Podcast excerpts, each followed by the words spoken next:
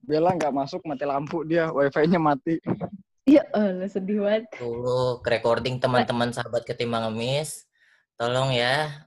Habis ini kita bantu Bella dari Bogor. mohon maaf nih, mohon maaf ya, mohon maaf.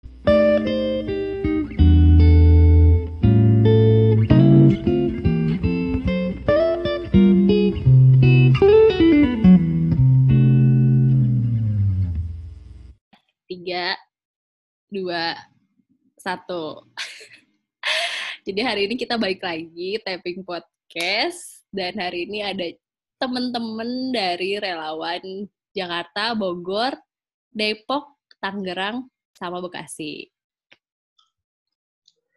Oke, Assalamualaikum warahmatullahi wabarakatuh. Waalaikumsalam. Uh, gue Anhar dari Ketimbang Ngemis Jakarta. Uh, posisi gue saat ini gue di uh, sekretaris internal. Dan gue join di KNJ udah dari tahun 2015 barengan sama Mijon, Abdul dan kawan-kawan. 2015. Lainnya. Berarti sejak ya. awal KN terbentuk ya, gegeduk ya istilahnya. Betul sekali. Oke, terima kasih Anhar. Kita bisa lanjut ke Depok. Halo, selamat malam teman-teman. Uh, kenalin, hmm, nama gue Reza dari perwakilan regional Depok. Dari awal terbentuk kayaknya sih. dari awal regional terbentuk mungkin. Okay. Kayaknya 2015 juga. Di Depok sebagai ketua sih, kebetulan. Ketua.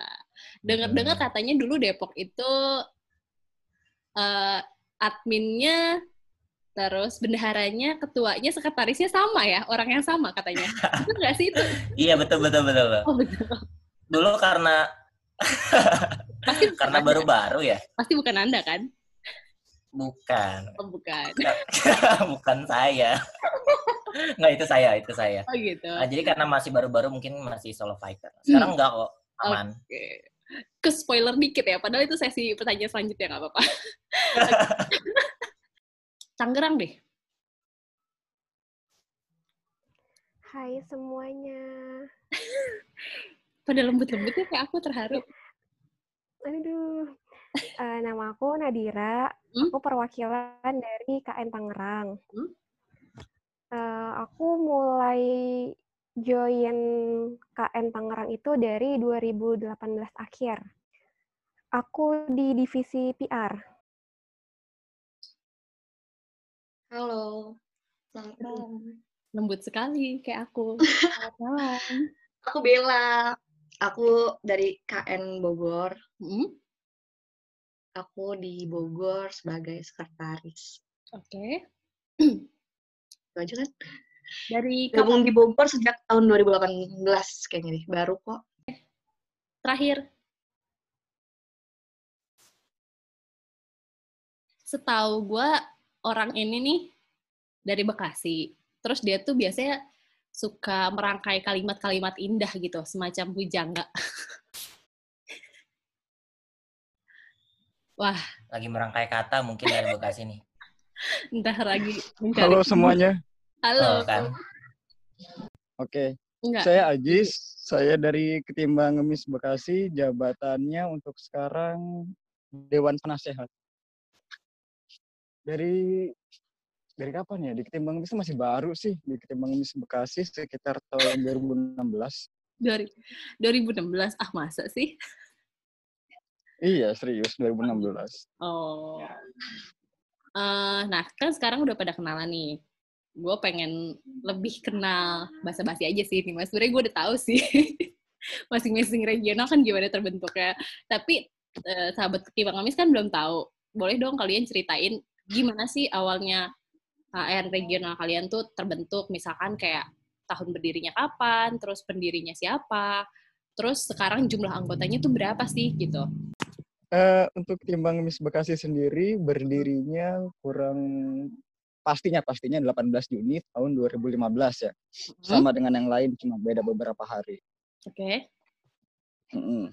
Nah, terus untuk pendirinya pendirinya sampai sekarang di Ketimbang Ngemis Bekasi masih simpang siur sih. Soalnya pas pertama kali masuk ada yang bilang orang ini, orang itu gitu loh. Mm. Jadi nggak nggak paham juga sama siapa pendirinya tapi pertama kali masuk ketuanya Demas dan itu gua kira dia pendirinya ternyata bukan ketuanya. Sampai sekarang kita pun masih bingung pendirinya siapa. Nah, untuk anggotanya sendiri di Ketimbang Bekasi kurang lebih ada 30.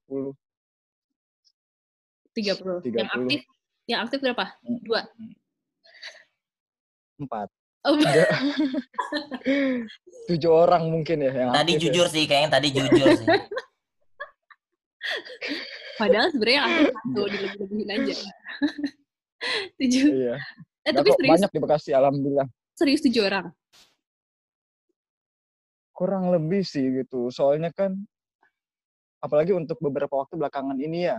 Gara-gara kasus COVID-19 tuh, mm-hmm. uh, mungkin ada beberapa orang tua yang takut anaknya keluar gitu loh, atau enggak ada beberapa anggota kita yang emang takut keluar, takut menyebarkan, oh. uh, uh, uh, takut menyebarkan. Masalahnya kan kita nggak tahu ya, kalau corona ini kan siapa yang positif, siapa yang enggak itu bisa nggak kelihatan gitu loh, suka-suka yeah. samar gitu. Kadang yang sakit aja malah negatif, justru yang sehat malah positif kan? Iya, iya. Kayak masa depan ya, samar-samar gitu. Oh, enggak, kalau masa okay. depan gue cerah, Esther. Oke. Okay. Siap. Oke, oke, oke. Udah. Coba kita lanjut ke regional yang paling banyak uh, anggotanya nih. Katanya ada 100 lebih lah kalau nggak salah Depok. terima kasih, terima kasih, terima kasih. Ya, ada anggotanya 100, 100 kan? 100, 100. Aman coba coba coba. Ya. Ceritain. Dari mana dulu nih? Pen oh ya. Uh, Depok sendiri sih terbentuk uh, sekitar mungkin kan dari pusat berarti ya sekitar 10 hari kemudian lah. Hmm. Dari terbentuknya uh, pusat, setelah itu regional Depok terbentuk gitu karena uh, waktu itu kan lagi gencar-gencara gitu kan di sosial media kan untuk buka-buka regional kayak gitu. Uh, kalau untuk founder sendiri sama masih simpang siur sebenarnya. Ada orang jadi dia mendirikan uh, regional Depok, oh, kemudian gitu. diserah terimakan langsung kayak gitu. Tapi uh, kebetulan siapa sih, siapa sih namanya kalau kalau boleh boleh tahu? Siapa? Itu foundernya siapa namanya kalau boleh tahu gitu? Nggak tahu dah, pokoknya dengar-dengar sih ganteng. Dengar-dengar ya. oh gitu salah nggak tahu juga sih terus terus oke diserah terima kebetulan yang saya terima itu ke ini hmm. agak unik sih anak-anak sekolah lah hmm. anak-anak sekolah anak SMA menjalankannya kayak gitu nah kebetulan juga uh, karena waktu itu gue ketua di regional Tangerang hmm. terus kemudian lagi kuliah di Depok hmm. akhirnya mencoba untuk ikut kegiatan di Timbang Mis Depok oke okay itu setelah itu uh, ya singkat cerita pas ngumpul ternyata belum ada ketuanya sama sekali belum ada ya baru kumpul-kumpul biasa lah kayak mm. gitu. akhirnya diputuskan pada saat hari itu juga gue jadi ketuanya oke okay. oke okay, mantap. mantap kayak gitu ibaratnya ya udah itu berlanjut sampai sekarang sampai sekarang berarti udah lima tahun kalau untuk ya oke okay. kalau untuk anggotanya sendiri sih banyak sih ya banyak botnya sih sebenarnya jatuhnya banyak. Jadi lu kita punya grup grup isinya uh, perkumpulan volunteer. Ya memang hmm. banyak banget sih cuman nggak ngerti dah itu orang apa bukan ya akun beneran apa bukan ya. Kayak gitu. Kok yang muncul itu itu lagi itu itu lagi. Pasti bayaran ya? buat bayaran ya? Kayaknya sih. Kayak gitu. Nggak ngerti juga ya. Akhirnya ya sempet jadi solo fighter nih ceritanya. Oke. Okay. Uh, Depok berjalan sendirian lah kayak gitu orangnya. Ya bisa dihitung jari lah dua maksimal waktu itu. Tapi okay. terlihat banyak kok di sosmed. Jadi gitulah struggle-nya di belakang layar gitu. Okay. Nah uh, setelah itu uh, ada kemajuan sekarang-sekarang ini mungkin karena memang ketimbang ngemis pamornya naik ya, mm. makin tinggi lah ya. Betul. Makin siapa yang nggak tahu ketimbang ngemis. Ya. Yeah. Nah sekarang ada kemajuan dari Depok sendiri uh, anggotanya sekitar 15. 15. Dan yang aktif 15. Oke. okay. 100% ya tapi semua. Oke, okay, oke. Okay. Apa? 100% berarti aktif. Mm -mm, 100%. Dibayar kayaknya nih, mereka mau. Masih tetap. Oke. Iya. Oke, oke, oke. Ada lagi? Hmm, udah sih. Udah. Kapan kira-kira bubar Depok? Eh, enggak. nanti ini bakal ini bakal ini kan ya, bakal nanti disimpan kan, di post kan ya? Disimpan pasti. Ke sini kan. Iya, buat pendengar-pendengar dan anggota-anggota di Depok sudah ditanyakan kapan bubar? Oke. Okay. Tolong didiskusikan ya. jadi jadi tadi kan uh, uh, Reza kan sempat bilang kan simpang siur ya foundernya ya. Tapi setahu saya hmm. gitu dari eh, kabar-kabar uh, yang beredar itu nama foundernya itu namanya mirip gitu sama Anda. Mungkin beda orang kali ya. Reza Winata oh, juga. Mungkin. Gitu. Mungkin, mungkin. Terus nama saya pasaran, Mbak. Sejarahnya sama. dia tuh dulu Tangerang dan Depok gitu, aktif di dua regional. Tapi kayak beda orang sih. Nggak mungkin sama. Beda lah, Mas. Saya mah kentang doang, Mbak. Bisa dilihat lah wajah saya. Jadi di Zoom ini Reza pakai wujud berupa kentang anjir. Kesel banget oke gitu. Jadi kayak uh, sebenarnya struggle-nya cukup besar ya. Kayak lu, lu harus stay di dua regional gitu kan. Terus hmm. akhirnya lu udah bisa melepas Tangerang dan Tangerangnya mandiri dan sekarang uh, struggle lima tahun kan yang tadi gue sempat singgung juga dari awal lu admin, bendahara, ketua, sekretaris sendiri kan? Dan sampai sekarang Iya, iya. Iya, iya. sampai sekarang masih bertahan jadi ketua. Mungkin orang-orang pada mikir, kok lama banget gitu. Tapi ya mungkin tujuannya adalah supaya tetap mengaktifkan KN Depok itu sendiri dan sekarang sudah mulai bertumbuh ya KN Depoknya. Ya? Oh, udah udah udah lebih malah lebih aktif sih sebenarnya lebih dari kayaknya kalau sekarang dibandingin kayaknya mereka nggak butuh ketuanya sih kayak gitu. Bagus ya. Gitu lah, kurang lebih udah kayak gitu lah. Hmm. Bisa okay. berjalan lah. Oke, okay. mungkin itu hmm. yang tidak diketahui sahabat ketimbang mis kan. Sebelum lanjut ke regional lain, mau kenalin dulu nih host yang satu lagi. Tadi sempat ada, cuman ada kendala. Ini baru join lagi. Nama saya Ikvan, itu dalam kurung Gaston Castanyo. Aduh, namanya Gaston Castanyo di Zoom. Terus? uh, saya dari KN Blitar, terus di nasional. Nah, Mas Ivan, pilih dong selanjutnya mau regional mana nih kira-kira? Nah, Tangerang dulu deh. Boleh, silakan. Uh, kalau dari Tangerang sendiri, mungkin kalau gue bisa nyeritainnya keadaan yang sekarang sih. Mm. Kalau untuk membernya, itu yang ada di grup umum itu ada 25 orang. Hmm.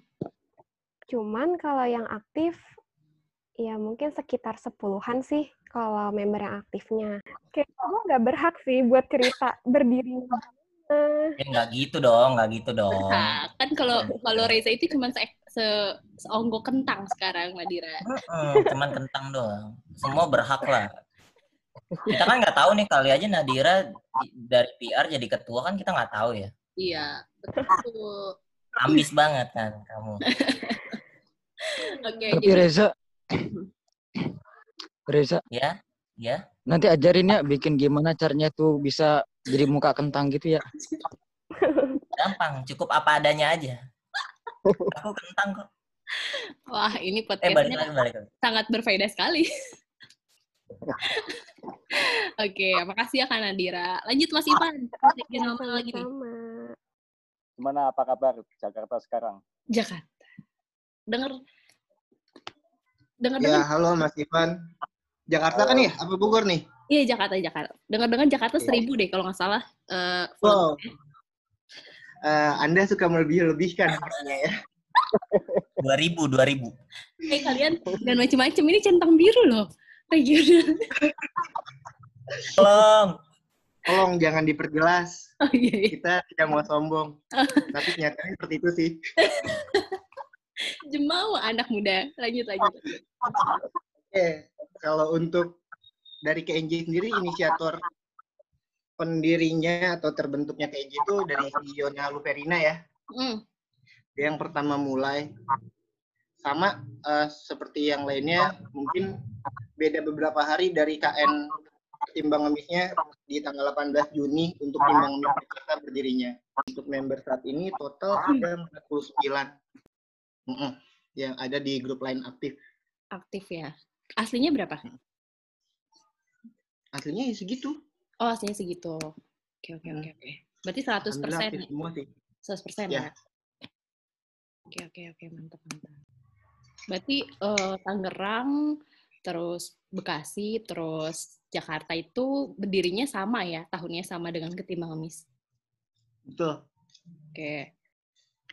Kalau Bogor berdirinya kapan itu sekitar tahun 2016. Hmm. Bulan Mei. Sekarang sendiri sih KNB membernya ada sekitar 20-an. Hmm? Aktif setengahnya lah. Setengahnya. Nah, tadi kan kita udah kenalan tentang regionalnya. Nah, sekarang kita mau coba nih kerucutin lagi kegiatan lapangan mereka seperti apa di regional masing-masing. Karena kan seperti yang kita tahu, kegiatan lapangan ketimbang mis itu jadi ujung tombak pergerakan ketimbang mis ya, selain di Instagram. Dari Depok dulu, dari Mas Reza Kentang. Kira-kira nih, selama iya. survei, yeah. survei OTX kan lima tahun ya, di KN. Hmm udah berapa sosok mulia sih yang disurvei dan paling jauh tuh di mana? Oke, kalau ditanya berapa sosok mulia kayaknya nggak bisa dihitung sih, soalnya udah nggak bisa dihitung pakai jari gitu. Aduh. Uh, yang paling jauh dan terasa pegel sih ya, kayaknya sih muara ke Cilengsi sih. Itu nama itu sosok mulianya masih nggak siapa? Uh, nama sosok mulia ya, kalau itu sebenarnya sih uh, kalau untuk nama sosok mulia di Depok ini agak, agak ini ya, agak unik. Jadi hmm. itu kita menamai sosok mulia dengan profesi mereka gitu agar kita lebih gampang. Oh, okay. Kayak gitu. Sebenarnya nama bapaknya itu nama uh, Pak Adi kayak gitu. -hmm. gitu. Nah, tapi kita biasanya bilangnya bapak itu pencuk uh, apa ya? pemotong rumput. Gitu, kita bilang. Oh, misal kayak namanya Reza Winata nih, terus bapak kentang gitu. Ah, betul sekali. kayak gitu. Oke oke oke. Kurang lebih. Oke oke, thank you thank you thank you, Mas. Siapa Mas Kentang, Mas Reza? Ya Mas Kentang, panggil saya Kentang. Jadi paling jauh Cilangsi ya, cuman ternyata tidak sesuai target ya. Coba tanya Mas Ivan, ya, kita kulik-kulik hmm. anak Bogor ini. Aduh, aduh. Halo Bogor. Halo. Uh, uh, dari Bogor biasanya dalam sebulan itu ngapain aja kira-kira survei berapa orang terus gimana uh, sosok mulia paling yang paling sering ketemu itu yang di mana gitu ceritain kalau Bogor sendiri kan karena SDM yang itu itu aja paling hmm. sebulan itu sih surveinya ya paling banyak lima lah kalau yang di EXE hmm. sebulan masih satu dua aja. Yang paling jauh dulu aku itu pernah survei di uh, Gunung Kalimun Salak. -hmm. Mana nah, tuh? Gak tahu. Itu jauh banget itu di Bogor bagian mana nggak tahu aku juga. Berapa berapa lama? Kalau Cilengsi, oh iya mungkin ada yang belum tahu Cilengsi itu uh, sekitar satu jam lah ya. Eh dua jaman lah hmm. dari Depok. Kalau kalau ya, Kalimun? sama lah sekitar segitu dua jaman juga dua jaman dari Bogor kotanya ah, dua dua jaman juga nah itu sosok mulinya itu namanya itu Abah Aca dia itu penjual ini sih penjual sapu yang besar-besar tuh yang buat laba-laba dia tuh jalan jauh banget dari rumahnya sampai ke uh, daerah Lewiliang itu sekitar 20 kilo 25 kilo lah okay. dengan kondisi fisik tuh yang kurang sempurna gitu mm. sih tapi tadi hasil di Excel ya, maksudnya nggak nggak gagal di Excel. Ya, alhamdulillah berhasil. Oke, terima kasih Kak Bella. Lanjut nih, Mas Ivan. Kita... Oke, tanggang dulu deh. Uh, kalau untuk surveinya sendiri dari Tangerang targetnya itu satu bulan empat uh, solia. Kalau hmm. untuk eksekusinya selama gue gabung di KNT hmm. itu satu bulan itu satu solia kalau untuk eksekusinya. Oke. Okay. Hmm. Kalau jumlah anggotanya berapa, Mbak? Mm Kalau jumlah anggotanya untuk di grup KNT sendiri itu ada 25 member. Kalau paling jauh itu uh, sebenarnya kalau KNT sendiri sih nggak meribetkan atau nggak menyusahkan uh, membernya sih untuk mm. survei. Jadi kalau mm. untuk survei itu kita dibaginya per wilayah. Jadi sesuai tempat tinggal. Mm. Jadi karena tempat tinggal gue ini di Tangerang Selatan. Oke. Okay. Uh, gue dapat paling jauh itu di Situ Gintung. Situ Gintung tuh berapa It, uh, lama dari Tangerang Kota? Kalau dari Tangerang Kota sih lumayan jauh. Mm. Cuman kalau dari Tangerang Selatan, karena wilayah Tangerang Selatan, itu sekitar 30 sampai 45 menit sih. Mm. Oke, lumayan. Itu dia adanya mendekati udah perbatasan sama Jakarta Selatan. Kalau untuk surveinya kurang lebih kalau saat ini ya, kalau saat ini dibagi jadi dua tim. Mm. Dua tim itu satu tim kalau nggak salah itu sekitar 4 sampai lima orang. Mm. Jadi uh, totalnya satu tim itu dalam sebulan di nah, survei dua solia kalau ini uh, paling survei paling berkesan sih. Mm-mm. Udah paling jauh. Terus itu ceritanya unik. Kenapa tuh? Jadi uh, posisinya di sini gue survei berdua. Mm. Berdua itu, itu ke motor atau apanya tuh? Kendaraannya, kendaraannya. Oh, kendaraannya. Uh. Kalau kendaraan kendaraannya itu motor.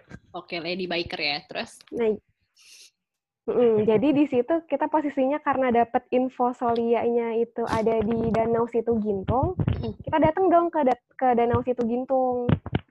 Eh kok udah Danau Situ ya? Di Situ Gintung itu. Oke. Okay. Nah dari situ kita tanya-tanya tuh sama uh, orang sekitar. Mm. Ternyata emang mereka pun tahu, mereka tahu.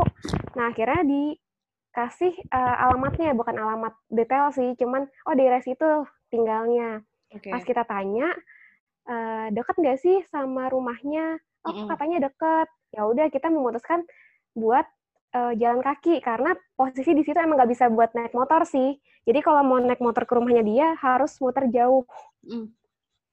Nah ya udah akhirnya kita jalan kaki. Ternyata deketnya mereka ya jauh sih lumayan pegel. Nah udah sampai daerah sekitar situ kita tanya-tanya lagi ke uh, uh, apa warga sekitar. Pas kita tanya, ternyata ditunjukin tuh rumahnya. Awalnya kita ragu mau ngetok itu rumah hmm. karena rumahnya tuh menurut kita ya gede sih, layak layak huni, layak sangat layak huni menurut menurut hmm. kita. Hmm. Jadi akhirnya mau ngetok tuh kita ragu. Terus kita nanya sampai ber, berkali-kali, itu bener rumahnya? Sama warga sekitar. Bener kok, bener coba aja ketok. Jadi pas diketok, keluar uh, agak lama sih, agak lama terus keluar ternyata anaknya. Kita disuruh masuk, jadi akhirnya ngobrol-ngobrol-ngobrol. Ternyata si Solia ini dia uh, suka keluar. Emang dia posisinya, eh, posi keadaannya itu emang udah tua banget sih, udah tua. Terus dia emang nggak bisa diem, jadi emang udah disuruh di rumah sebenarnya. Oke. Okay. Cuman dia suka jalan keluar sendiri sambil bawa kantong apa sih kantong beras gitu loh. Iya yeah, ya. Yeah. Kantong beras. Nah dia sambil jalan sambil iseng mungutin sampah. Mm. Jadi sebenarnya tuh Solia ini di, uh, di apa ya dikategorikannya sih sebenarnya sangat mampu sih. Mm. Jadi ya meleset dari target. Oke, jadi uh, sebenarnya semangat masih semangat kerja gitu ya, cuman bukan untuk mencari hmm. nafkah kali ya, karena memang mampu gitu. Hmm. Banyak tuh banyak kayak gitu mbak, eh, banyak yang ini sih sosok sosok mulia itu memang sepengalaman aku itu memang banyak yang ini ya, dia ngasih uh, nyari waktu luang aja buat kesehariannya gitu. Betul betul betul sekali. -hmm. Oke, cuman uh, kalau bisa dibilang semangat mas semangat ya, tapi tidak meminta-minta kan, seperti itu. Mm. Oke, okay. tapi uh, Kak Nadira abis itu dikasih donasi nggak sama sosok mulianya? Mungkin kebalik. Jadi sosok mulianya donasi ke Kak Nadira dan teman-teman. Enggak ya? itu oke okay. kalau dikasih donasi sih ya allah baik banget ini enggak enggak oke okay, oke okay, oke okay. menarik menarik menarik thank you Kanadira Oke. Okay. Oke, okay, selanjutnya Mas Bekasi kayaknya seru deh. Bekasi waktu itu sempat ada viral Mas Ivan, satu sosok mulianya. Bekasi itu luar planet ya, Mbak? Aduh. Aduh, nanti kita dilabrak sama sahabat ketimbang Miss Bekasi. Habis itu di report, podcast ini jangan. Oh, jadi nanti di tit gitu kayak. mohon maaf, mohon maaf, mohon maaf. Oke, oke. Bekasi, gimana, gimana, gimana? Jadi dari yang paling jauh dulu ya. Nah, untuk yang paling jauh, karena ketimbang Miss Bekasi ini termasuk salah satu yang mungkin ya buat buat saya tuh jangkauannya jauh banget. Karena dari perbatasan Jakarta Bekasi sampai perbatasan Cikarang Karawang sana. Okay. Jadi jangkauannya sampai Cikarang sana. Nah, waktu itu sekitar tahun 2017 kalau nggak salah. Cikarang tuh nah, berapa? Oh, sorry motong. Berapa jauh dari Bekasi kota? Wah, berapa ya? Mungkin jarak bisa satu setengah jam sampai dua jam gitu sih. Oke, Kalau motoran ya. Mm-hmm. Apalagi kan macet juga kan Bekasi Cikarang itu. Mm-hmm. Nah, untuk paling jauh sendiri tahun 2017 waktu itu kita dapat informasi ada penjual kakek penjual sop buah gitu. Ini sempat viral juga di Instagram tahun 2017. Mm-hmm. Nah, itu tuh banyak yang tag ketimbang ngemis Bekasi gitu. Mm-hmm. Sampai akhirnya kita rembukin ke tim untuk kapan kita surveinya setelah diputuskan kita survei ke sana waktu itu surveinya ke sana empat orang dua motor di perjalanan tuh sebelum berangkat itu panas banget panas di Bekasinya oh, bukan Tapi setelah sampai ada salju ya Iya, itu kalau di daerah rumah gua doang, Esther. Oh iya lupa. Sorry, sorry, gua lupa, gua lupa. Lanjut, lanjut. Nah. Esther lu bikin gua ngelucu lu ya nanti gimana lupa, nih? Orang Bekasi galak banget. Nah,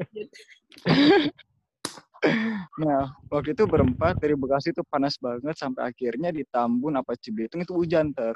Mm. Itu hujan. Nah, itu tuh hujannya tuh nggak pakai gerimis tapi langsung deres gitu loh. Jadi kita emang nggak ada antisipasi gitu buat minggir.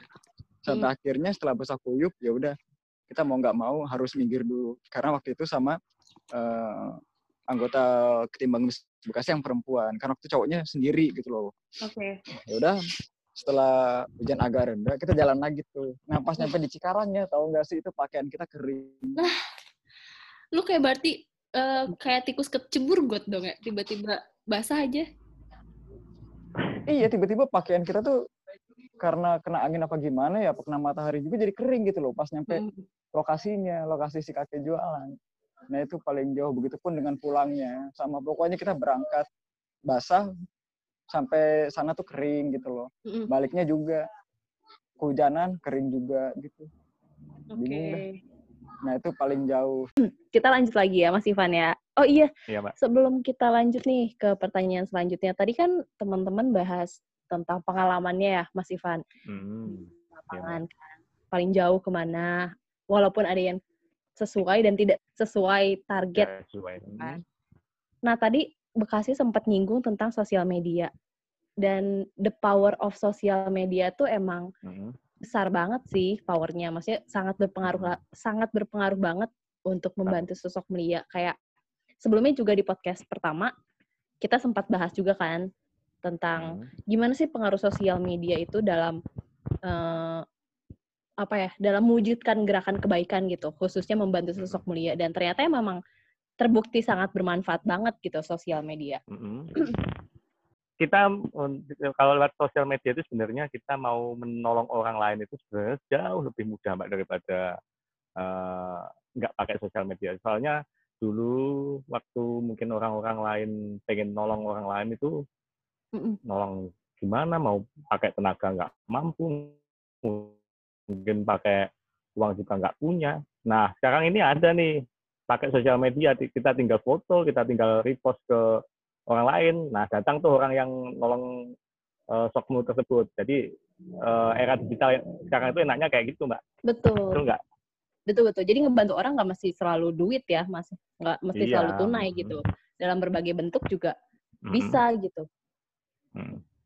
Oke, oke, oke. Eh, uh, kita jangan lanjut dulu, Mas, ke pertanyaan selanjutnya. Tadi masih ada satu regional yang ketinggalan. Ini aku spill dikit nih. Uh, Dengar-dengar yeah. nih kalau misalnya mau masuk.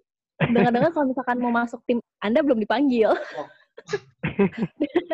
Dengar-dengar kalau mau masuk tim lapangan dari regional ini tuh ya, katanya hmm. harus uh, tahan banting, harus bisa uh, putar arah, hmm. harus bisa lawan arah, terus dari gitu harus bisa uh, naik motor di atas jembatan trotoar, eh jembatan trotoar, hmm. jembatan penyeberangan katanya. Bener gak sih? Betul mbak itu kalau naik motor itu harus bisa ngelewatin polisi di uh, jalur busway. Apakah seperti itu, teman-teman? tuh panjang ceritanya ya. Hmm. Uh, capek nggak sih mas jadi relawan di KN Jakarta kayaknya capek banget waduh waduh Iya, apalagi kan, apalagi kan lu jadi relawan nih nggak dibayar, malahan lu tenaga hmm. habis, waktu habis kan. Apalagi dimarah-marahin. Hmm. Apalagi jauh-jauh gitu kan, habis bensin lu itu gimana gimana gimana? Itu nggak bisa diungkapin dengan kata-kata sih ya, ter masih Mas Ivan ya. Hmm. Emang uh, ya itu? dibilang capek mah capek banget, cuman gimana ya? Kalau bukan kita siapa lagi? Kalau misalnya Mas ini Mas Ivan sendiri gimana Mas capek nggak jadi relawan? Ya pasti capek mbak, tapi kadang kalau dari saya sendiri mah nggak nggak nggak bisa ngebayangin dari teman-teman yang di kota-kota besar. Kadang mm. eh, kalau kita enak kan kadang kita survei jauh apa pun nggak macet, yeah. oh, mm. mungkin di berita udara sejuk, terus itu sih lebih lebih mudah. Mungkin jalan ada yang nggak uh, jelek mungkin, tapi uh, aku rasa lebih lebih mudah. Tapi kalau mungkin Jakarta kelihatan banget, mungkin lebih capek kayak gitu. Satu kilo di Jakarta itu mungkin uh, perjalanan naik motor mungkin satu survei satu kilo mungkin bisa nempuh 30 menit. Kalau Jakarta mungkin kalau di Blitar satu kilo itu cuma lima menit, mbak. Betul betul betul. Beda betul. kan. Mm. Jadi intinya Jadi, ya dibilang capek-capek, cuman ada eh, kepuasan tersendiri sih ketika kita hmm, udah betul. ketemu sama si Solia. Apalagi betul. dengan ceritanya beliau itu itu hilang sih capek beneran. Mm -mm. Mungkin ibaratnya gini, kalau misalnya biasanya kita punya hobi gitu, kita bakal ngelakuin apa pun kan sesus sesusah apa pun atau misalnya semahal apa pun gitu biaya yang dikeluarkan, kita pasti rela gitu kan demi yeah. bisa melakukan hobi itu. Mungkin yang tadi tuh uh, membantu sosok mulia itu jadi semacam apa ya kepuasan sendiri hmm. buat kita gitu kan mau sesusah apa pun kita tetap hmm. happy ngejalaninnya karena kita emang hmm. seneng ngebantu gitu oke oke dan uh, hmm. mungkin apa ya aku sendiri juga sih bersyukur sih join di ketimbang miss itu benar sih jadi relawan capek kalau dipikir-pikir uang uang sama waktu sama tenaga udah nggak kehitung deh tapi ngelihat semangat teman-teman gitu kan. Terus ngelihat semangat sosok mulia juga jadi kayak wah nggak uh, udah terbayar gitu ibaratnya. Dan jadi ikutan semangat. kita udah sampai lima tahun. Wow. Aduh sedih. Aduh coba kalau tapi kayak banget obrolannya. Teman-teman ngerasa punya... kayak ini gak sih? Kayak setiap kita nolongin sosok mulia atau kita bantu orang tuh kayak ada kayak ada lega yang kita rasain gitu gak sih terus ngebuat iya, kayak ja. ketagihan gitu addicted untuk membantu orang lagi gitu. Kita betul, betul, ya intinya kayak minimal ngeliat mereka seneng ketawa dan makasih gitu. Betul gitu, betul, betul. Gitu. iya. Di situ kita kayak ngasih makan batin kita nggak makan jadi ada iya jadi ada kepuasan batin gitu atas apa yang kita lakuin buat mereka. Betul betul. Jadi sebenarnya kita nggak cuma nolong mereka sih kita nolong diri kita sendiri gitu untuk menjadi manusia. Iya. betul betul aduh. Kalau ibaratnya memanusiakan manusia. Iya, berkualitas banget obrolan ini. Aduh karena memang perjalanan lima tahun itu gak mulus gitu banyak rintangan. Makanya terjadilah podcast ini untuk mengenang kembali. Oke lanjut. Mas Ivan lanjut yuk. Untuk Solia yang pernah gue survei wah 500 Solia nih pasti dari mulai jadi anggota sampai jadi koor berapa ya nggak ngitungin sih cukup banyak sih ya tapi paling jauh sih itu Kamu jangan cari aman kamu. Sebutin angkanya berapa. Ada 20-an soalnya. Soalnya kan karena emang 20 20-an. 20 itu satu hari berarti? Enggak, enggak satu hari. Selama selama join, selama join, selama join. Oh, okay. Pernah untuk satu hari untuk satu eksekusi itu gue pernah nyampe lima solia yang gue samperin, yang gue hmm. eksekusi. Hmm. Jadi hmm. itu wilayahnya juga beda-beda ya, nggak di timur. Itu mencar jadinya. Hmm. Dari timur ke selatan, selatan balik lagi ke timur. Pernah satu hari itu okay. dapat lima solia sih untuk disurvei hmm. dan dieksekusi langsung. Hmm. Oke, okay, oke. Okay. Jadi uh, di maksudnya kalau tadi kan Tangerang kan dibagi-bagi wilayah nih ya kan? Wilayah mana wilayah mana. Kalau misalnya dari Jakarta sendiri berarti walaupun di selatan utara barat tetap kumpulnya di Tebet. Tebet itu kan selatan ya? Iya. Betul. Oke baru di baru dari situ disebar gitu. Ya betul sekali. Kalau paling jauh selama uh, jadi member KNJ itu hmm. daerah Cidodol Kebayoran Lama Soalnya kalau mm soalnya kan kalau KNJ itu meeting point itu di Taman Honda di daerah Tebet. Oke. Okay. Untuk dari Tebet kita tuh mencar nih setelah dibagiin donasi dan sembako itu kita mencar ke Solia yang sudah ditentukan oleh koordinator FA. Mm-hmm. Yang sudah dibagi-bagi tuh ada tim-timnya. Nah, kebetulan waktu itu gua selama gue jadi member paling jauh yaitu ke Kebayoran karena kita dari Kebayoran itu harus balik lagi ke Taman Honda untuk evaluasi. Hmm. Uh, ngebahas soal kendala, terus uh, apa ya, effort dari apa yang kita lakuin. Banyak hal sih. Intinya kita tuh harus uh, ketika ketemu si ketika kita nyamperin rumah si Solia itu, kita harus balik lagi ke tempat meeting point awal. Itu paling jauh sih menurut gue selama gue jadi member KNJ Ya. Uh, pada saat itu sih sesuai banget ya, soalnya beliau udah umur 75 tahun. Nama okay. beliau kakek Nurjaya. Dia penjual getuk getuk lindrik. Itu dia mm -hmm. ngejual ngedorong. Gerobaknya itu didorong dari rumahnya beliau itu ngelautin komplek ke depan pinggir jalan itu cukup jauh banget sih. Mm -hmm. Itu setiap hari dia lakuin. Jadi emang beliau gimana ya uh, panutan banget nih jadi kayak yang contoh gitu loh. Itu kayak nampar gue pribadi loh. Jadi kayak dia nih udah tua tapi masih yang mau ngedorong gitu ngedorong gerobak buat ngejual getuknya dan kayak yang biayain kebutuhan keluarganya dia. Dan kebetulan hmm. dia anaknya tuh ada lima. Dua orang hmm. udah meninggal. Jadi yang tinggal sama dia itu satu anaknya dia dan satu cucu. Jadi udah kayak okay. yang single parent sih dan beliau itu tinggal di pemukiman kumuh sih ya kalau bisa bilang sih kurang layak lah itu tempat sebelum ditempatin jadi rumah itu itu kandang kambing jadi kayak kan. memprihatinkan banget sih wow beliau. kandang kambing iya tadinya itu kandang kambing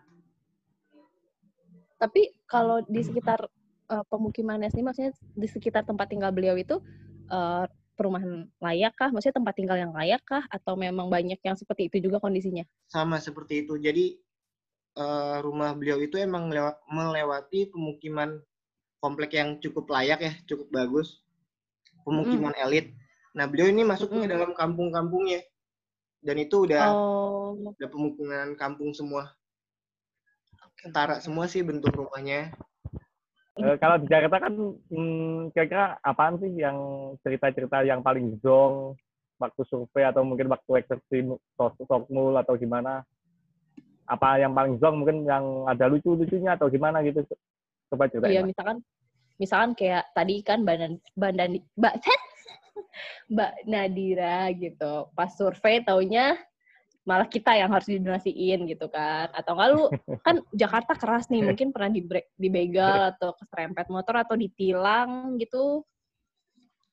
Banyak banget sih cerita kayak gitu ya. Uh, kalau gue pribadi sih alhamdulillah selama join dan uh, bertemu Solia itu lancar-lancar aja. Cuman gue pengen ngebagi sedikit cerita dari mm -hmm. beberapa member nih yang punya pengalaman pribadi. Mereka mm -hmm. pernah ketemu sama Solia yang sebenarnya emang layak banget dibantu. Beliau ngontrak okay. di sana di daerah Petamburan. Beliau penjual gulali. rambut nenek gitu. Hmm. Namanya tahu nggak masih apa nggak siapa? Ah, lupa namanya. Lupa ya. Oke, oke. Sebut aja Tono. Bapak Tono ya. Ngadi-ngadi lu. Ngadi-ngadi. Terus, terus. Nah, ketika mau dibantu, uh, bukan sebelumnya belum dikasih bantuan dulu sih. Jadi kayak kita ngajak ngobrol dulu nih. Pas kita ngajak ngobrol, kita mau bayar nih, kita mau beli gulalinya. Dibuang duitnya sama hmm. beliau. Hmm. Jadi uang yang kita kasih buat beli gulali itu dibuang nggak diterima sama dia. Aduh, kenapa? Dia nggak mau nerima, malah dia mau ngasih kayak yang cuma-cuma gitu aja. Mm. Itu proses masih proses survei sih kalau nggak salah. Jadi mm. belum sampai yang uh, bapak ini jadi solianya yang akan dieksekusi. Jadi itu masih sampai mm. di tahap proses survei doang. Nah ketika kayak gitu tuh diajak ngobrol tuh nggak mau. Jadi beliau tuh maunya kayak ngasih apa yang dia jual. Dia nggak mau uh, kita kasih bantuan. Hmm. Dan uh, yang gue dengar dari cerita warga sekitar itu emang beliau orangnya seperti itu, merasa yang kayak mampu gitu loh. Jadi mereka uh, beliau ini nggak mau dikasihanin, malah uh, si beliau ini yang mau ngasih si gulali ini secara cuma-cuma. Itu sih. Uh, pernah sih ada beberapa solia yang kayak ternyata ini si ibu-ibu jualan di jembatan Cempaka Mas. Dia ngejual snack-snack ketika disurvei rumahnya uh, layak, anaknya kerja sebagai guru, dan ditanyain kenapa kok jualan nih, padahal uh, anaknya tuh mampu. Dia bilang buat hmm. iseng-iseng aja. Akhirnya nggak kita bantu sih, itu sama proses tahap survei. Jadi belum sempat dieksekusi. Oke. Okay. Dan ada sih satu kejadian dari cerita okay. member itu ada Solia yang pernah kecopetan hmm? ketika kita ngasih sembako. Itu cukup sedih banget sih ceritanya udah udah berapa tahun yang lalu di daerah Grogol. Oke, gue tau deh dia penjual ya, asongan gitu. Penjual aksesoris. Iya di di ya. ini bukan sih jembatan penyeberangan gitu? Iya, Jadi cukup oh, sedih okay. banget sih ya Ter uh, untuk bapak-bapak yang udah nggak berumur muda lagi gitu ya kan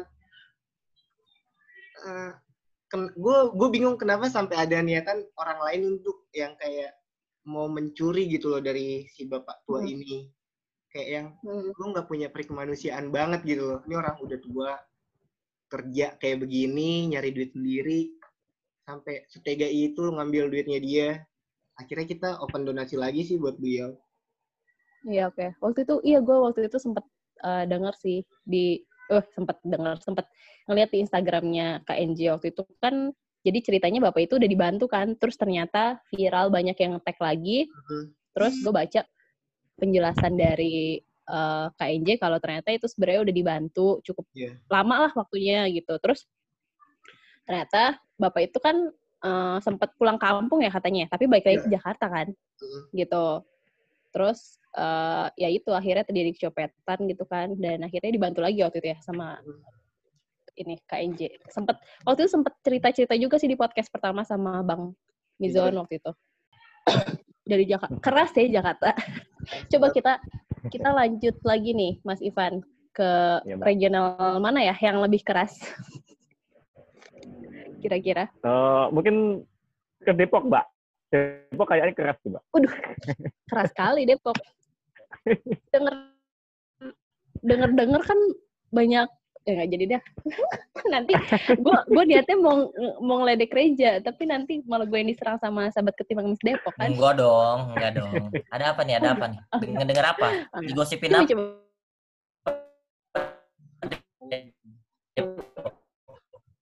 dengar kan katanya banyak coba, begal kan? Terus hmm. banyak ya mungkin salah dengar hmm. gitu. Banyak banyak memang. Pernah nggak tuh? Jadi nggak tuh pas waktu survei digebukin begal. Gimana? Uh, um, kalau untuk itu sih kayaknya alhamdulillah sampai sekarang nggak karena kebetulan kayak misalkan kita survei atau segala macem itu biasa di siang hari sih paling sampai sore doang. Kayak gitu. Paling okay. yang aku herankan sebenarnya di Solia itu di keluarganya. Jika mereka masih ada keluarga sih biasanya. Karena um, uh, let's say uh, bapak A punya keluarga gitu kebetulan punya keluarga walaupun dia termasuk di Solia gitu. Nah, yeah. keluarganya ini sebenarnya kayak lebih memanfaatkan si Solianya ini sih. Itu sih hmm. yang paling kita concern gitu. Ada uh, uh, ini contoh kasus lah ibu-ibu jualan pisang di daerah Giant Depok. Iya. Yeah. Dia jualan pisang memang di pinggir jalan gitu. Nah, dia itu sebenarnya mencari uang memang dengan jualan pisang gitu dan nggak jarang banyak yang ngasih gitu tapi dia nggak ngarepin sama sekali gitu memang dia jualan uh, tapi uh, ketika dia pulang itu banyak banget kayak anak-anaknya kayak gitu. Cucu-cucunya gitu untuk minta. Hmm. jadi kayak dia jadi kayak tulang punggung secara nggak langsung. Padahal ya uh, pas kita survei itu cucunya itu udah lumayan besar lah gitu. Ibaratnya sudah lulus SMA lah. Udah bisa mencari yeah. uang segala macam. Tapi masih minta ke Solia itu. Sedangkan Solia itu udah umurnya udah 90 tahun lah. Kalian uh. bayangin gitu. Terus kayak kita serba salah kita di situ serba salah gitu mau kita kasih uh. tapi udah pasti diambil dong nih uangnya gitu secara nggak langsung betul, betul. ya sih tapi kalau kita betul. cuek kasihan juga ini Solianya karena dia memang benar-benar bekerja gitu muter sana sini gitu nggak cuman yeah. nadahin tangan tapi dia juga kayak menawarkan sesuatu barang kayak gitu beneran yeah. dijual bahkan kalaupun kita ngasih uang tok mentah gitu misalkan kayak ini bapak seratus ribu dia nggak mau terima gitu dia pasti langsung ngasih barangnya juga gitu produknya dia yeah. nih ambil aja gitu kayak gitu Betul. nah itu yang membuat bingung gitu di Depok sih ada be beberapa kasus kayak gitu sih itu yang kita bingungin sih kalau untuk begal sendiri nggak pernah sih paling gangster. Kita lagi bagi-bagi nasi. bagi-bagi ini, ini bagi-bagi nasi. Aku, uh, saya nggak mau nyebutin gangsternya apa ya, nanti rame lagi. Pokoknya ada gangster yang lagi berbagi hmm. nasi kita kebetulan bukan di saya sih. Jadi kita bagi rute, rute A sama hmm. rute B. Kebetulan saya di rute hmm. A terus di rute B. Nah, di rute B ini ada kita bawa nasi sekitar 20 di plastik merah itu pas lagi nganterin ngasih-ngasih tiba-tiba ada gangster nih lewat hmm? gangster lewat ngeliat bawaan gitu lagi bagi nasi kita pikir sih mau dibantu atau apa ya ternyata itu diambil nasinya semuanya jadi sempat ada okay. kayak ribut-ribut tarik-tarikan plastik isi nasi itu sebenarnya sih gimana ya dibilang lucu ya lucu aja gitu gangster ngambil nasi buat dibagin tuh ya udahlah ya kayak gitu bener-bener yang kayak gitu barbarnya ke, kayak gitu ke gangster lagi atau dibagiin ke orang-orang yang membutuhkan maksudnya? Diambil nasinya sama gangster. Aduh. Buat kita aja. Mm. Aduh. Coba lu pikir dah tuh aduh, aduh. mau dimakan oh. sisa 20 nasi sama gangster kenyang kali tuh.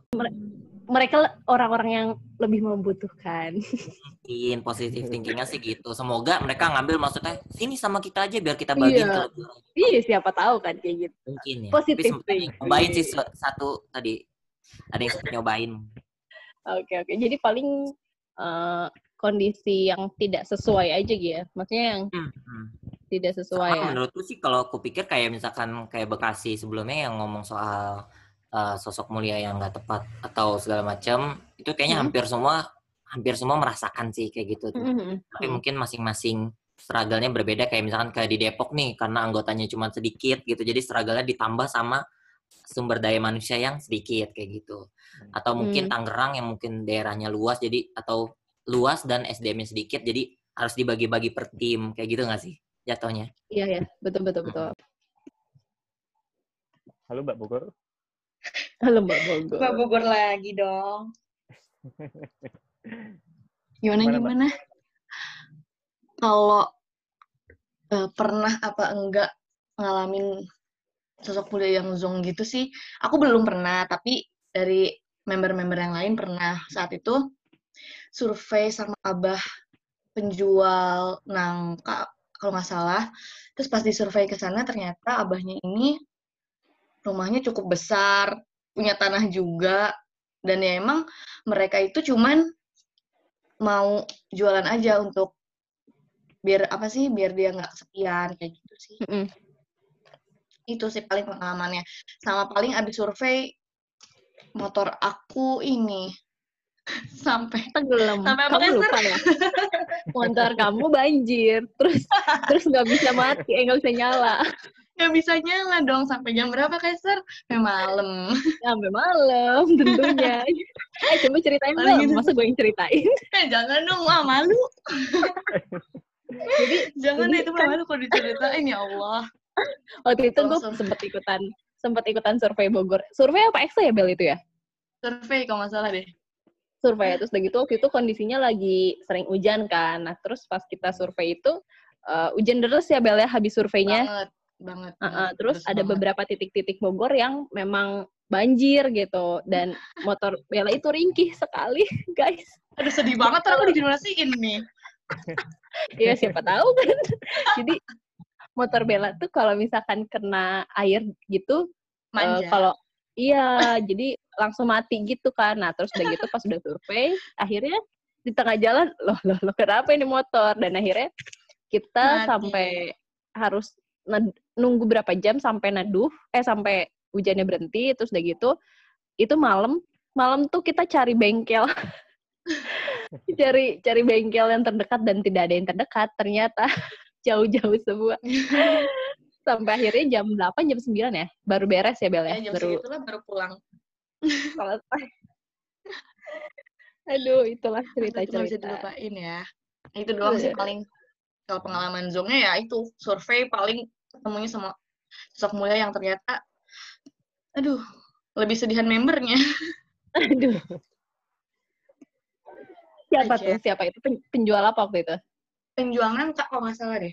Penjual nangka kalau nggak salah. Pas ke sana ternyata ini rumahnya bagus sofanya juga bagus dan dia Aduh. punya tanah. Sebutin dia punya tanah.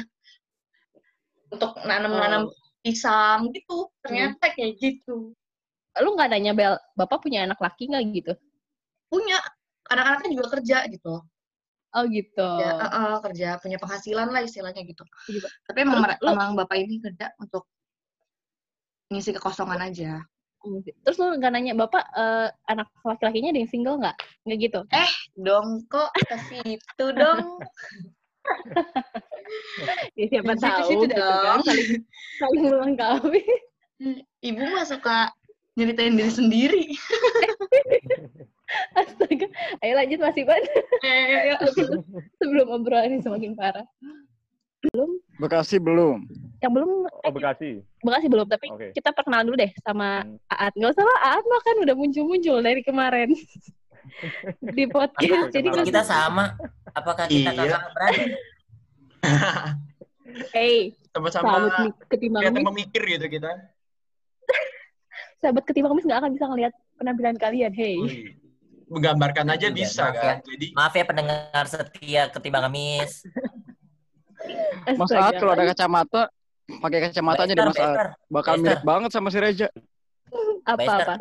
Bisa nggak sih pendengar sahabat ketimbang Amis nanti uh, misalkan ada bisa gitu ke depannya bikin acara buat ketemu sama pengurus-pengurusnya. Ini mirip, mirip kan? Cuma lewat podcast gitu. Meet and greet. Coba. Coba nanti kita biar sahabat ketimbang ngemis tuh lihat betapa gantengnya Kak Anhar, betapa gantengnya Kak Ajis dan Kak Reja gitu. Jelas Coba nanti ganteng. Kita nanti tanya di kolom komentar ya. Setuju nggak para pendengar setia sahabat ketimbang ngemis? Ada meet and greet dengan ada biaya enggak nih?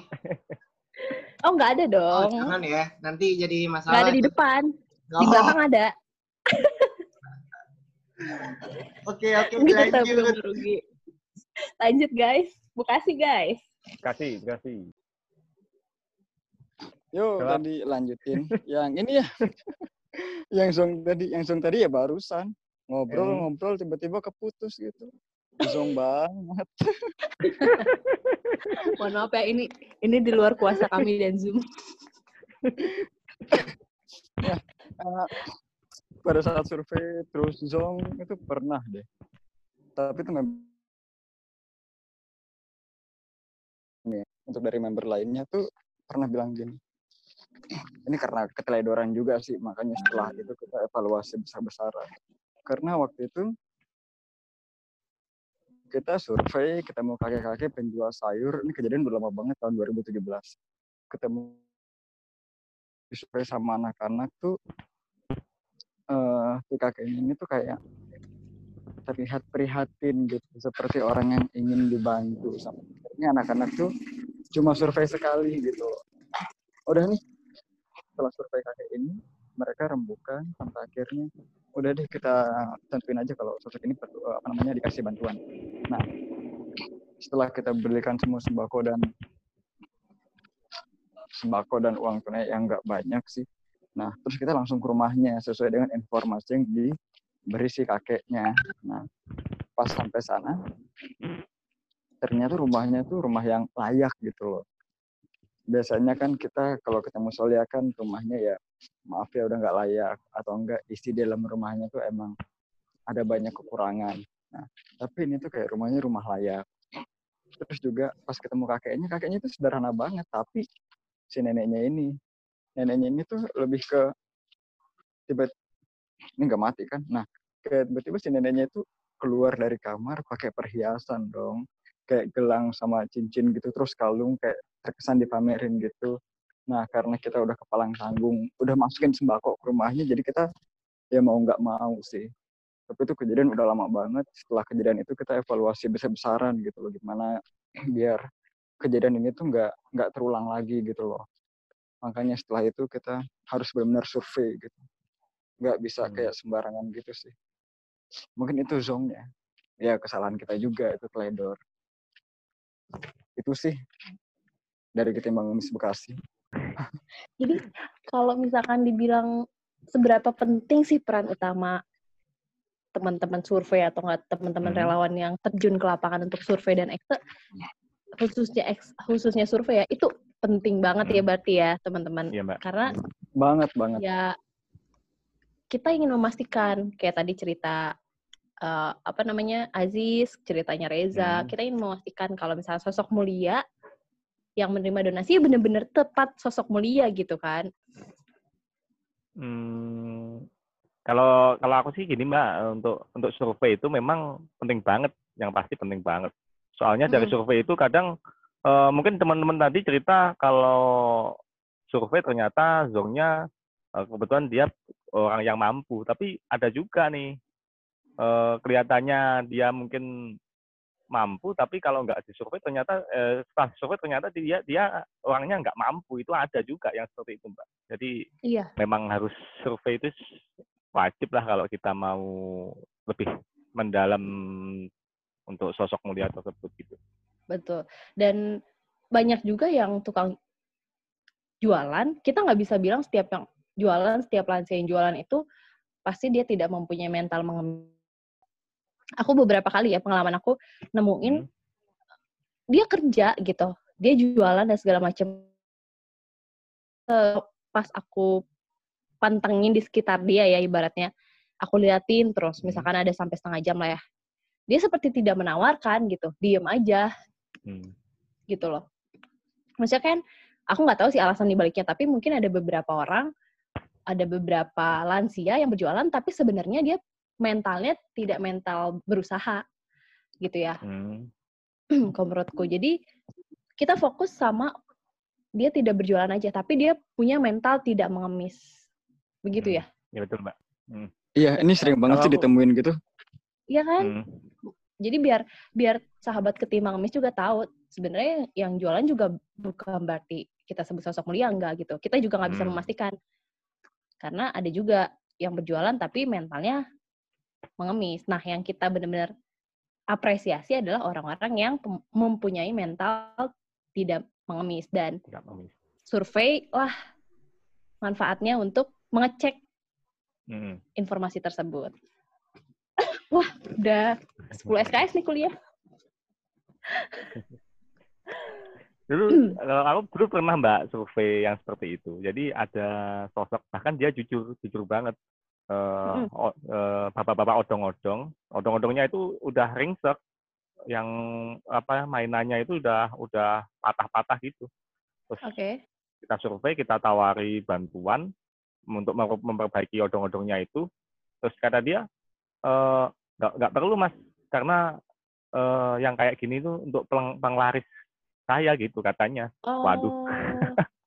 Waduh tidak mau waduh ah ya ya ya oh, udah kan dia sengaja berarti sengaja maksudnya sengaja membuat kondisinya seperti uh, sengaja membuat kondisinya terlihat kasihan gitu kan sedangkan hmm, kita gitu, ya, Hmm. Betul kan?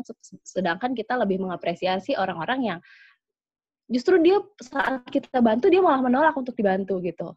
Ya kan? Hmm, malah kadang betul. ada beberapa sosok ya, mulia yang bilang dia butuh dibantu tapi dia bilang dikasih aja ke orang lain yang lebih membutuhkan. Hmm, Seperti betul. itulah orang-orang yang sangat kita apresiasi. Gue pribadi masih baru kan di uh, eh, KNT, jadi masih belum banyak dengar cerita-cerita gitu. Oke. Okay. Naik balik. Ya, apalagi kan di sini banyak sesepuh ya. Ampun, ampun, ampun. gue tahu Nadira tuh merendah karena ada tetangga sebelah. Tapi benar kok cerita Nadira benar. Berarti iya, Nadira ini sebagai anggota baru menyimak banget sih, keren banget Pak. Oh, iya. Gimik-gimik bisa. Oke okay, oke, okay. kita tadi seru ya, maksudnya ada cerita menarik nih Mas Ivan dari teman-teman regional, hmm, ada juga cerita zong lah ibaratnya ya, yang tidak terlupakan.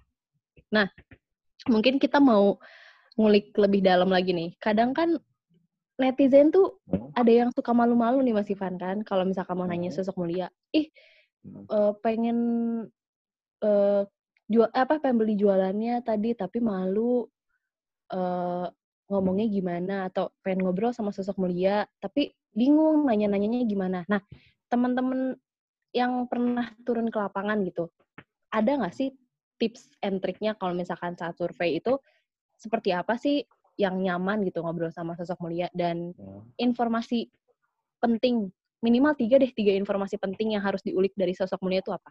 Jadi gini sih ya, cara survei ke sosok mulianya itu kayaknya nggak cuma anak baru aja yang malu-malu, tapi nggak cuma netizen juga gitu loh yang ini gimana sih cara ngomong ke solianya gitu. Tapi ada hmm. beberapa dari member yang lama pun juga masih ada rasa kayak gitu gitu loh, rasa malu terlebih.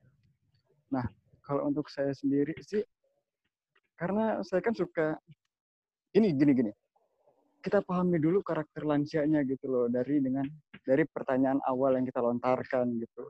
Biasanya ada beberapa solia yang terbuka banget sama ada yang defense banget nih kayak penutup banget gitu loh. Kayak nggak hmm. mau membuka berarti dirinya ke orang lain. Nah, kita pahami dulu dari situ. Nah, bagaimana cara kita memperlakukan orang lain itu kan beda ya, nggak bisa sama. Cara saya memperlakukan Esther atau cara saya memperlakukan Reza itu kan harus beda gitu loh karena karakter orang beda-beda. Begitupun saya terapin untuk ke solianya ini. Nah itu sih uh, bagaimana cara kita membaca karakter seseorang tuh itu penting banget. Nah tapi yang hmm. kedua tiga poin penting ya.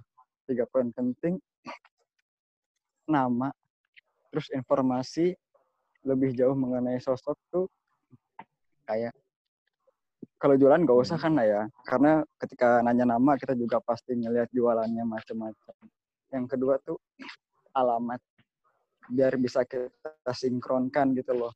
Si kakeknya tinggal di mana atau lansianya tinggal di mana terus bagaimana kehidupannya di rumah gitu loh mm. perekonomiannya kayak gimana. Biar kita bisa cari lebih jauh kalau ditanya alamatnya. Iya. Yeah.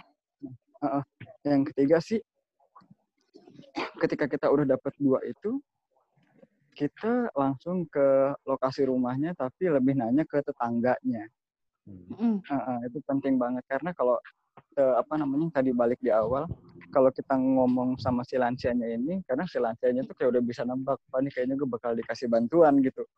Nah hmm. makanya ada beberapa lansia tuh yang kayak memprihatinkan dirinya sendiri gitu loh. Yang kayak gimana caranya gue biar kelihatan sedih di uh, di, di mata orang ini gitu. Jadi dia kayak ceritanya tuh kayak lebih-lebihkan gitu loh kayak bikin kita sedih. Nah biasanya kalau tetangganya itu kan biasanya lebih jujur ya lebih paham yeah. dengan karakteristik karyanya ini gitu sih kalau dari ketimbang Miss Bekasi. Oke. Okay. Oke, jadi gini sahabat ketimbang Miss yang sedang mendengarkan. kalau tips and trick dari Depok sendiri sih sebenarnya kayak pas seperti kalian uh, misalkan kita lagi survei gitu uh, yang yang ditanamin sama teman-teman di ketimbang Miss Depok sih khususnya dari semua member yang survei. Karena di Depok sendiri kan wajib bukan wajib sih semua harus bisa surveiin siapa gitu. Um, yang satu ditanamin sih uh, nggak ekspektasi apa pun kayak gitu. Dalam arti ya kita nggak nggak langsung ngoyo-ngoyo untuk membantuin gitu karena kita harus cari tahu dulu uh, secara lebih jauh gitu. Nggak harus detail tapi secara lebih jauh gitu nah, itu yang pertama uh, yang kedua itu menggunakan intuisi sih biasanya yang yang udah biasa survei atau ya manusia lah kita sebagai manusia udah punya intuisi sendiri bahwa kayak kayaknya bapak ini memang benar layak kayak gitu mm. pertimbangan itu ya pertimbangan kedua yang pertama yang memang harus disurvei secara fakta seperti okay. itu dalam arti uh, kita harus lihat dulu nih bukan silsilah keluarga ya misalkan dia tinggal sama siapa atau dia jualannya selain jualan itu jualan apa lagi gitu atau uh, setidaknya nanya tetangga yang sekitar dia lah kayak gitu. Karena yeah. biasanya tetangga tempat tinggal dia itu lebih tahu gitu. Biasanya seperti itu. Kayak gitu sih. Kalau apa lagi ya? Oh ya biasa kalau dari netizen atau dari teman-teman ketimbang miss sendiri sahabat-sahabat ketimbang miss sendiri kan biasanya kayak suka ngetek atau mention Depok kayak kayak misalkan kak tolong dong di survei uh, bapak A gitu. Kemarin aku lihat cuman aku nggak berani ajak ngobrol gitu. Atau enggak kak yang tolong dong ini aku nggak sempat kayak gitu. Sebenarnya mm.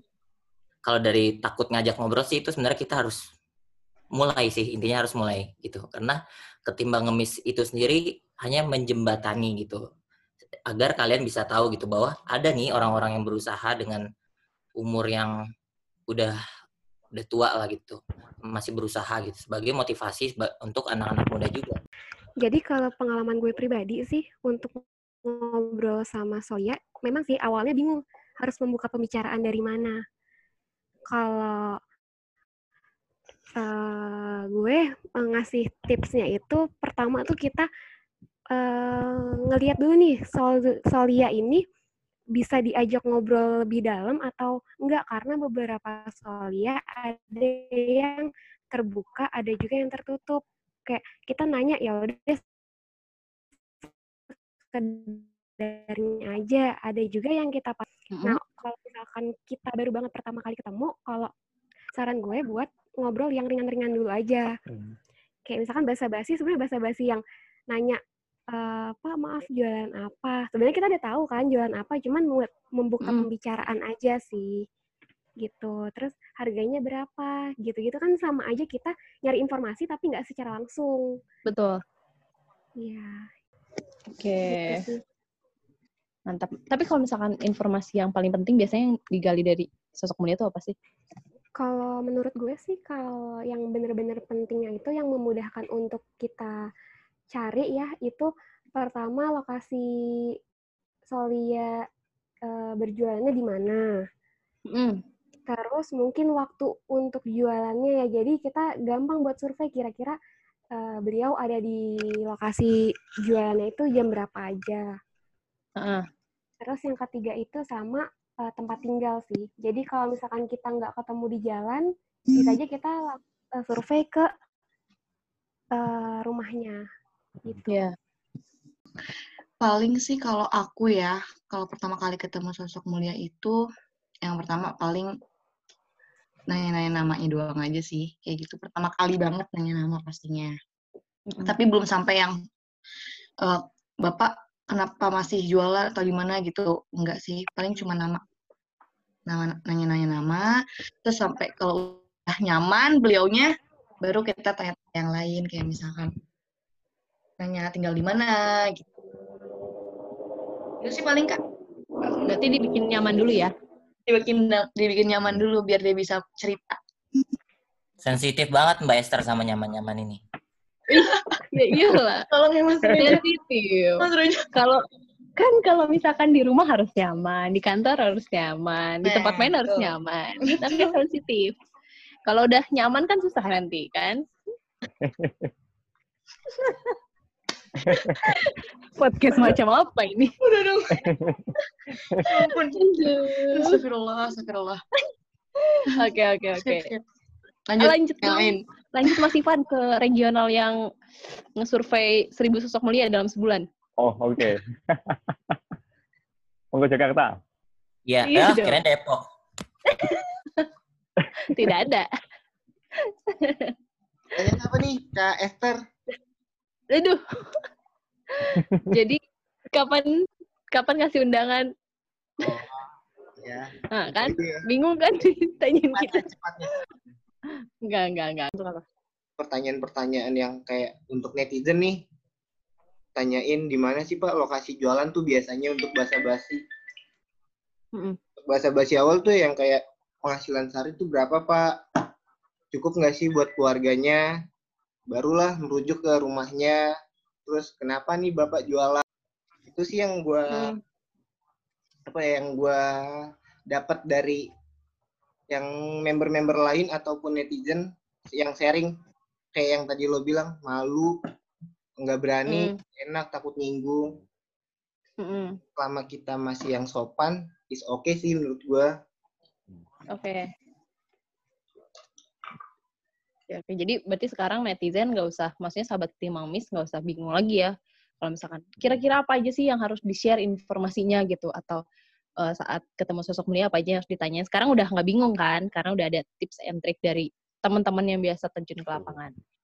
Dan satu lagi, okay. pastikan oh, satu lagi apa? Kalian nanya itu nggak yang cuma nanya doang, tapi beli dagangannya juga. Yes. Yeah. Yes, betul banget, parah. Paling penting itu, betul betul sekali. Minimal satu, tapi kalau lebih bagus banyak diborong lebih bagus. Iya. Kita punya hashtag memberi dengan membeli kan? Ya, yep, betul sekali. Betul sekali. Kamu pasti ketua ya? Kamu betul sekali. Sebelah saya nih, sebelah sini. Saya pernah melihat dengan... foto-foto berkacamata di Twitter. Di mana? Foto-foto pria-pria berkacamata di Twitter lagi heboh kayaknya. Oh itu yang wow. fuckboy, sorry maaf. Saya tidak berkacamata mulai sekarang.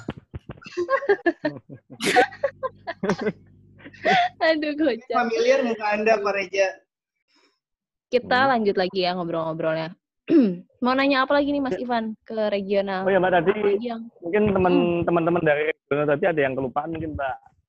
Apa tuh? Dokumentasi yang penting. Oh iya. Kalau dokumentasi mungkin buat buat para para netizen ini uh, kalau mungkin malu-malu untuk bertanya tinggal beli aja dagangannya terus dokumentasi untuk tanya nama mungkin Betul. terus lokasi juga uh, itu kan lebih gampang mungkin Betul. Jadi uh, selain ada info, ada foto juga ya. Soalnya kalau ada info doang, kita udah detail namanya siapa, terus lokasinya di mana, tapi nggak ada foto ya kita juga nggak tahu orang yang mana ya. Dan sebaliknya ya, kalau ada foto tapi nggak ada info namanya, terus jualannya di mana ya kita juga susah nyarinya gitu. Hmm, Kira-kira karena saking banyaknya sosok-sosok yang pernah ditemu ini pasti ada yang bikin mewek nih kayak hmm. mantan. Apa tuh? Mewek tuh apa? Mewek itu nangis, Mbak. Kamu nggak tahu, Mbak? tahu, pura-pura aja nggak tahu. nangis, betul-betul. Ada nggak sih dari Jakarta mungkin ya kan yang 15 ribu uh, Satu batuk-batuk loh.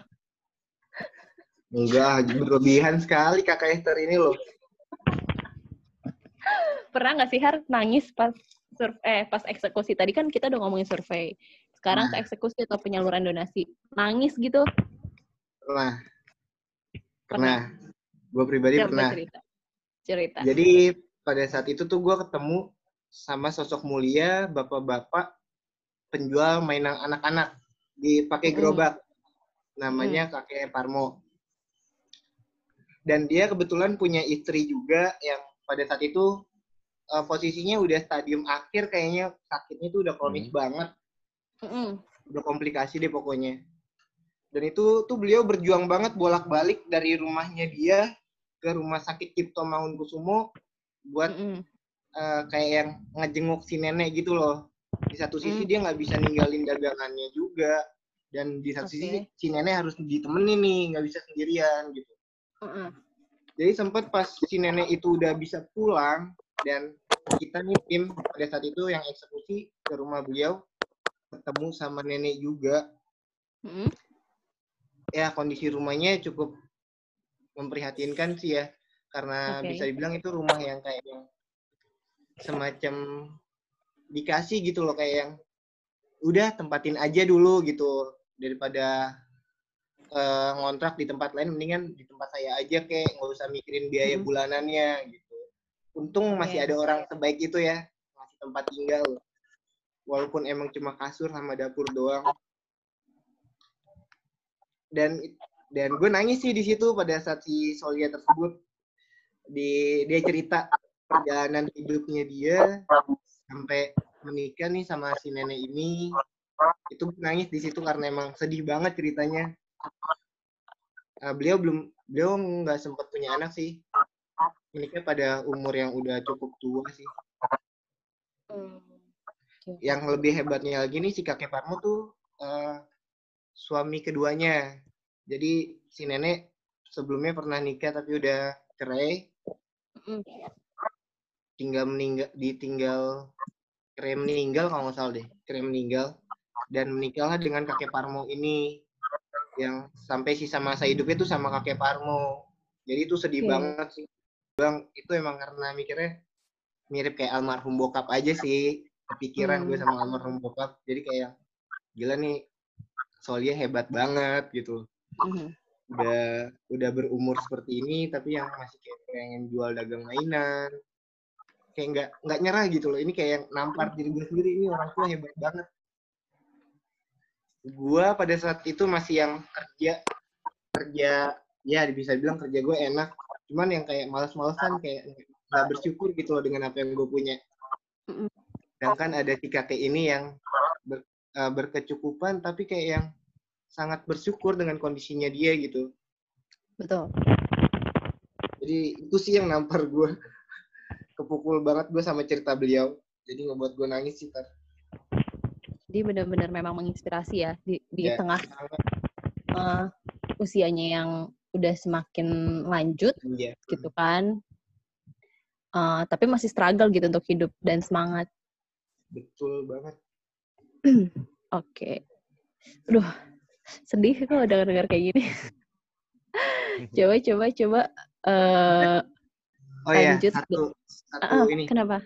Sedikit lagi cerita dan Solia tersebut itu salah satu solia yang masuk ke solia umroh oh. yang gue jadiin uh, yang gue rekomendasiin untuk masuk ke solia umroh pada saat itu neneknya udah meninggal istrinya mm -mm. Jadi nggak mm. lama uh, beda berapa bulan gitu dari gue eksekusi terus ke NJ bikin solia umroh dan si kakek tersebut gue rekomendasiin untuk maju. Dan alhamdulillah sih ya karena beliau waktu itu posisi istrinya udah meninggal harus mungkin kalau masih ada beliau bisa pergi bareng sih. Cuma Aduh, akhirnya nggak bisa nggak ada. Udah meninggal duluan nih jadi ya. Merinding banget merinding banget gue. Selain ya, dia bertahan alhamdulillah kabar sih masih baik sejauh ini masih baik ya oke semoga tetap sehat ya kakeknya ya. eh by the way sekaligus deh uh, Duh, tadi kan ceritanya yang cerita menghangatkan hati ya.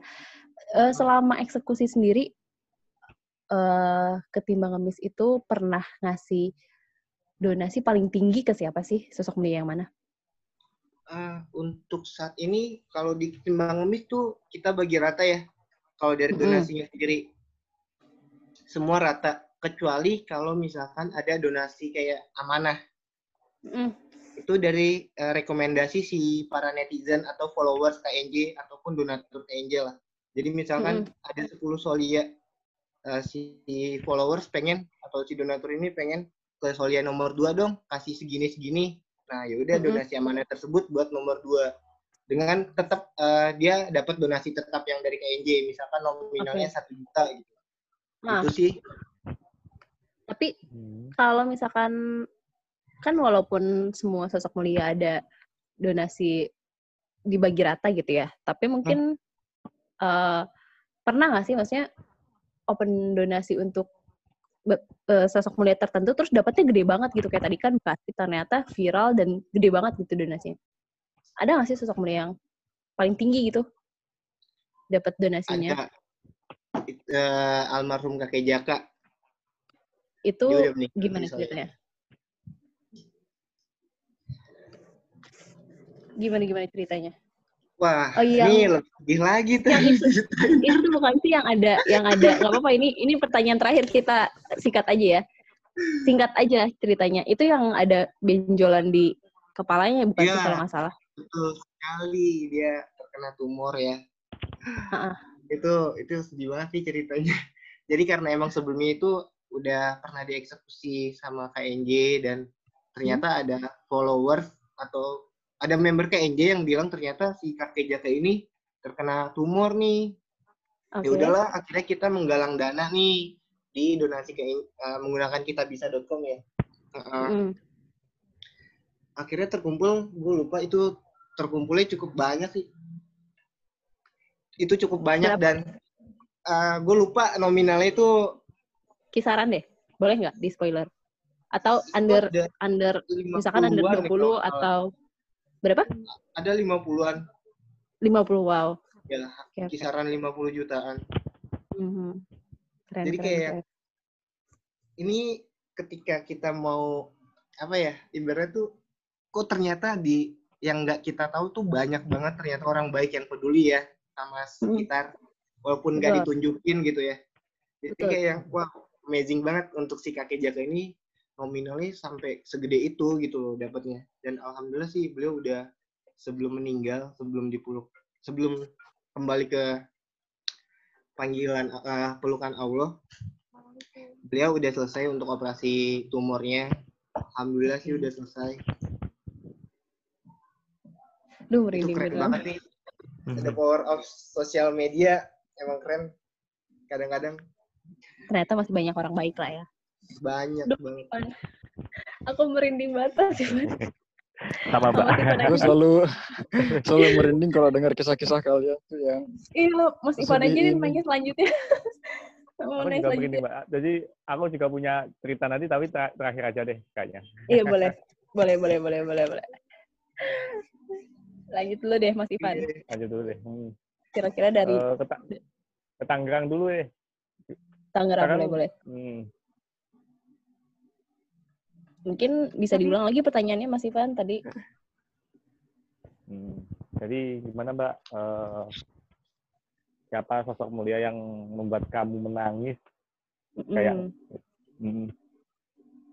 Kalau untuk uh, gue pribadi, uh, mungkin pas pertama kali banget eksekusi sih mm-hmm. pertama kali banget eksekusi setelah join join KNT itu mungkin karena baru pertama kali ngerasain ya uh, ternyata Solia tuh mereka itu walaupun sedikit tapi berarti banget buat mereka itu sih berasanya di situ makanya kenapa bisa sampai nangis. Hmm. Nah kalau okay. yang kedua kali itu ini sebenarnya bukan untuk si Solianya sih, jadi ini Solianya ini sebenarnya ini satu keluarga ini pemulung. Nah, pem, uh, sebenarnya yang kita lihat itu karena si bapaknya ini dia emang uh, usianya udah lanjut. Usianya emang udah agak tua, tapi ternyata masih punya anak kecil. Istrinya memang masih uh, bisa dikategorikan agak muda sih. Nah, okay. dari cerita si istrinya ini sih sebenarnya yang bikin nangis jadi istrinya ini bantu kerja si suaminya itu hmm? sambil bawa anak bayi. Oke. Okay. Nah itu uh, si istrinya ini cerita uh, katanya sering dibilang sama orang sekitar uh, kalau misalkan dia manfaatin anaknya buat dapat uh, uang tambahan gitu ya. Hmm. Jadi sebenarnya itu si istrinya ini sebenarnya pengen banget kerja di tempat orang, entah ngebantu jadi uh, eh, ART, tapi dia kepikiran banget sama anaknya karena kalau anaknya nggak dibawa itu eh, nggak uh, bisa disusuin langsung. Hmm. Jadi kan hmm. karena buat beli susu sendiri kan memang susah ya. Iya. Untuk kebutuhan sehari-hari aja kan emang agak susah. Jadi sedihnya sih tersentuhnya di situ sih. Jadi hmm. uh, si istrinya ini walaupun masih muda masih mau membantu. Emang masih muda uh, ya sebenarnya dia di rumah sih. Ya uh, sebaiknya di rumah buat jagain anaknya ini anaknya di rumah aja.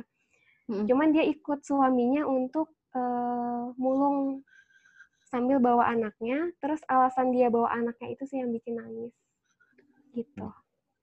Jadi kerja sambil bawa anaknya itu yang nggak bisa ditinggal gitu ya iya sebenarnya dia uh, bisa aja ninggal cuman dia kepikiran buat anaknya buat nyusuinnya itu sih oke okay. perjuangan seorang ibu lah ya seorang ibu iya tersentuhnya di situ Kalau donasi tertinggi itu buat uh, namanya kakek pungut. Oke. Okay. Itu kalau do, nominalnya uh, kurang tahu pastinya sih berapanya uh. karena lupa juga berapa nominalnya. Cuman yang tertinggi sih untuk donasi kakek pungut. Kakek itu mungkin uh, Kak Nadira inget atau nggak kisarannya berapa atau misalnya lebih dari 10 atau lebih dari 20 gitu? Di bawah 10 sih, Kak, yang jelas. Oke. Okay. Tapi maksudnya tapi untuk nominal segitu kan udah udah cukup besar ya untuk Tangerang sendiri ya? Iya, untuk kategori Tangerang untuk uh, open donasinya paling tertinggi segitu. Paling. Aduh, gimana Mas Ivan? Udah cukup terharu? udah, udah, udah nyiapin tisu di udah, samping. Udah nanti aku mau siap-siap buat cerita yang buat aku nangis sendiri nanti. Aduh. Aduh, aku belum siap untuk nangis. Kita lanjut dulu ke regional lain. Lanjut. Yang mana lagi nih hmm. cerita sedihnya? Yang Depok masih ke Indomaret kayaknya. Kamu jangan di spoiler dong dia lagi di Indomaret. Aduh. Kita ke Bekasi dulu coba. Bekasi lu boleh. Tadi tadi juga kan sempat spoiler ya. Ada yang viral dan donasinya juga lumayan gede. Hmm, tuh. Boleh tuh kita spoiler. Aduh, saya gugup diliatin Mas Aat. aduh, aduh, aduh. Nah, jadi gini, kalau untuk Bekasi sendiri, sosok yang buat nangis sih, kalau gue pribadi sih semuanya ya, karena gue tuh cengeng banget jadi setiap penyaluran donasi kayak apalagi tahu respon dari si sosok mulianya itu gitu kayak terharu banget kayak ngucapin berkali-kali terima kasih gitu atau enggak alhamdulillah akhirnya saya bisa pegang uang sebanyak ini. Ini buat gimana ya biar dia enggak melulu kerja gitu loh biar enggak terus-terusan kerja karena kondisi fisik. Beliau kan udah apalagi lansia ya udah nggak sekuat kita gitu loh. Jadi dengan uang dan sembako yang kita kasih tuh mereka tuh suka sedih gitu. Akhirnya mereka bisa libur untuk beberapa waktu ke depan jadi hmm. kalau gue pribadi sih selalu nangis kayak gitu. Gue nggak pernah nggak nangis. Kalaupun nggak nangis ya ya nyesek aja gitu. Karena cengeng banget. Ini boleh cerita lebih panjang nggak? Boleh boleh boleh. Nah kenapa buat nangis tuh? Karena dulu tuh ya keluarga aku tuh keluarga gue tuh dibantu juga sama orang gitu loh. Mungkin kalau hmm. dulu tuh emang susah banget kan ya jadi suka nggak suka nggak tega gitu kalau ngelihat kayak lansia nenek-nenek gitu berjuang buat dirinya sendiri atau nggak keluarganya tuh jadi ingat emak gitu loh yang dulu berjuang hmm. buat ngidupin gue dan keluarga uh, jadi suka ngeliat ya ini kayak berkaca sama emak gue dulu nih kayak gini gitu loh si nenek ini berjuang demi menghidupi diri dan keluarga jadi suka sedihnya tuh suka kebawa gitu karena keinget masa hmm. lalu gitu. Mm. Nah, kalau untuk yang paling berkesan sendiri, waktu itu kita dapat sosok mulia yang kayaknya viral di mana-mana deh, terlebih di hmm. Twitter ya. Yang namanya Mbah Ramlan itu penjual nanas muda. Mm -hmm. Waktu itu sama anak timbang Miss Bekasi yang lain, sekitar 5-6 orang.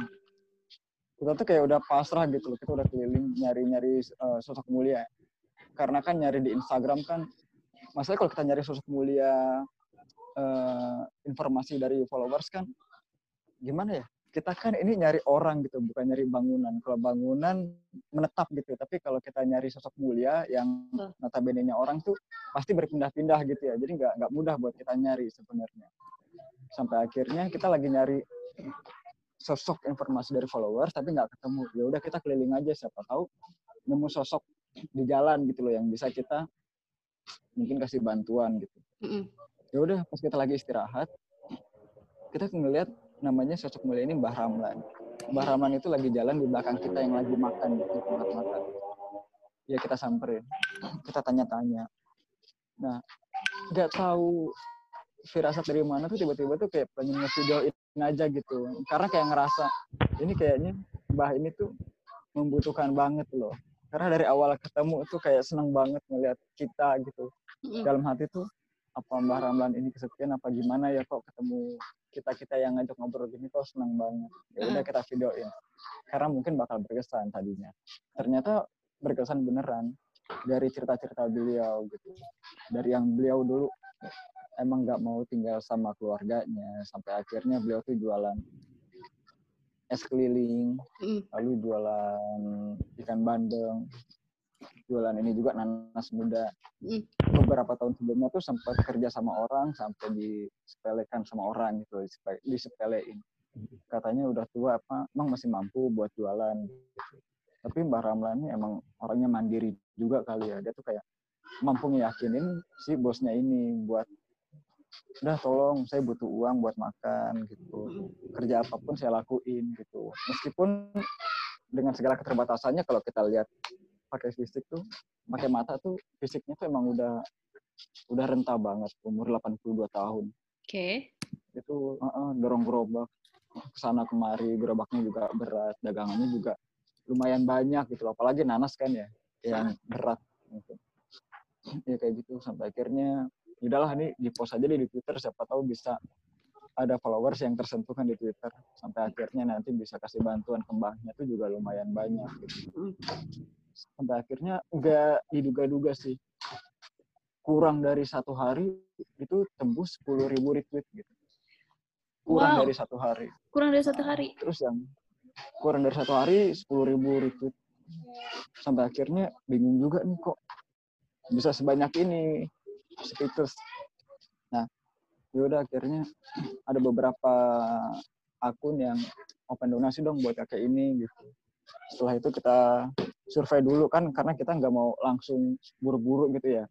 Karena kita nggak cuma survei sekali terus ngasih bantuan kan kita ada tahapan lainnya gitu. Kita ketemu di jalan kita harus ke rumahnya dulu kan buat cross check lebih jauh tentang beliau. Beliau tinggal di mana sama siapa gitu. Masalahnya kan ada beberapa maaf ya ada beberapa orang di luar sana tuh kayak pas ketemu sama kita tuh kayak memprihatinkan dirinya sendiri. Ternyata pas kita datengin ke rumahnya tuh beda sama apa yang diomongin gitu loh. Banyak kan kayak gitu. Nah, mm, betul. tapi ternyata apa yang diomongin sama Mbah Ramlan ini sesuai gitu loh. Mbah Ramlan benar tinggal sendiri, rumahnya pun hanya sepetak. Sepetaknya tuh kecil banget gitu. Benar-benar kecil. Tiga, tiga kali tiga meter, apa tiga kali empat meter gitu. Kecil, kecil banget. Nah, yaudah. Sampai akhirnya kita suruh tim turun ke sana. Tim juga, oke okay nih, uh, cocok buat jadi calon sosok mulia kita. Hmm. Sampai akhirnya kita baru berani open donasi ke warga Twitter waktu itu di sana. Ternyata responnya benar-benar kita nggak duga banget dan itu banyak banget yang donasi sampai akhirnya kita bingung sendiri kita bakal apakan gitu uang donasinya karena rumahnya kecil gitu kan ya karena kita kan juga harus menyalurkan bantuan takutnya kalau dikasih langsung banyak kan banyak bingung sendiri gitu Iya betul betul. Jadi emang beberapa mm -mm, kita kita tanya ke tim yang dibutuhkan bahannya apa biar kita belikan baru sisanya kita kasih cash uang tunainya ke Mbah Ramlan ini. Ya udah di ini ini ini ini tapi sisanya masih banyak. Karena oh. rumahnya kan segitu ya kita nggak mungkin kita nggak mungkin beliin lemari macam-macam gitu loh. Karena kalau dikasih lemari satu aja kasurnya nggak nggak bisa gitu loh. Malah kasurnya harus dikeluarin. Mm. akhirnya kita beli kebutuhan beliau yang emang benar-benar beliau butuhkan. Ya udah kita belikan ini itu uangnya sisa banyak ya mau nggak mau kita kasih semuanya sih Mbah Ramlan ini. Alhamdulillah rezekinya banyak banget. Dari Twitter dari Instagram dari teman-teman kantorku juga dari teman-teman yang lain. Pokoknya terima kasih banyak untuk bantuannya selama ini untuk Mbah Ramlan yang waktu itu dan untuk solia-solia yang lain. Semoga apa yang diberikan bisa bermanfaat dan bisa jadi amal jariah buat teman-teman semua. Amin amin gitu sih. Nah, kalau untuk donasi terbesarnya, ya donasinya Mbah Ramlan itu yang penjual nanas muda. Karena emang the power of internet ya, media sosial itu emang gila banget sih. Mm. Dibilang itu enggak nyampe 24 jam itu 10 ribu retweet dan itu yang donasi udah banyak banget kita bingung hmm. tadinya tuh mau buka donasi sampai seminggu tapi ternyata kurang dari tiga hari itu udah lebih dari 34 juta jadi udah kita stop karena ngeliat okay. kondisi rumahnya juga yang kecil banget hmm. yang udah cuma cukup satu kasur doang nggak bisa ditaruh lemari dan apa apa udah emang cuma kasur doang kasur buat dia sendiri gitu loh bukan kasur yang besar ya udah itu aja sih untuk donasi terbesarnya Mbah Ramlan 34 juta yang Lebih. viral itu ya hmm.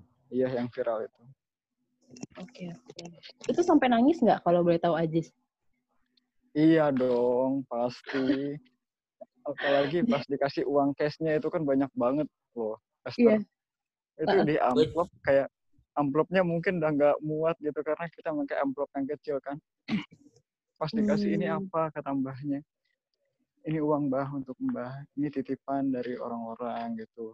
Okay. dipergunakan dengan baik mbah. Aku nggak mau ini banyak banget ini tebel. Enggak mbah. Akhirnya mbahnya ngelihat ini nggak apa-apa saya buka. Ya udah mbah buka aja. Pas dilihat ternyata seratus ribuan sama lima puluh ribuan itu tebel banget. Mbahnya tuh kayak bener-bener nangis terus kita juga terharu gitu.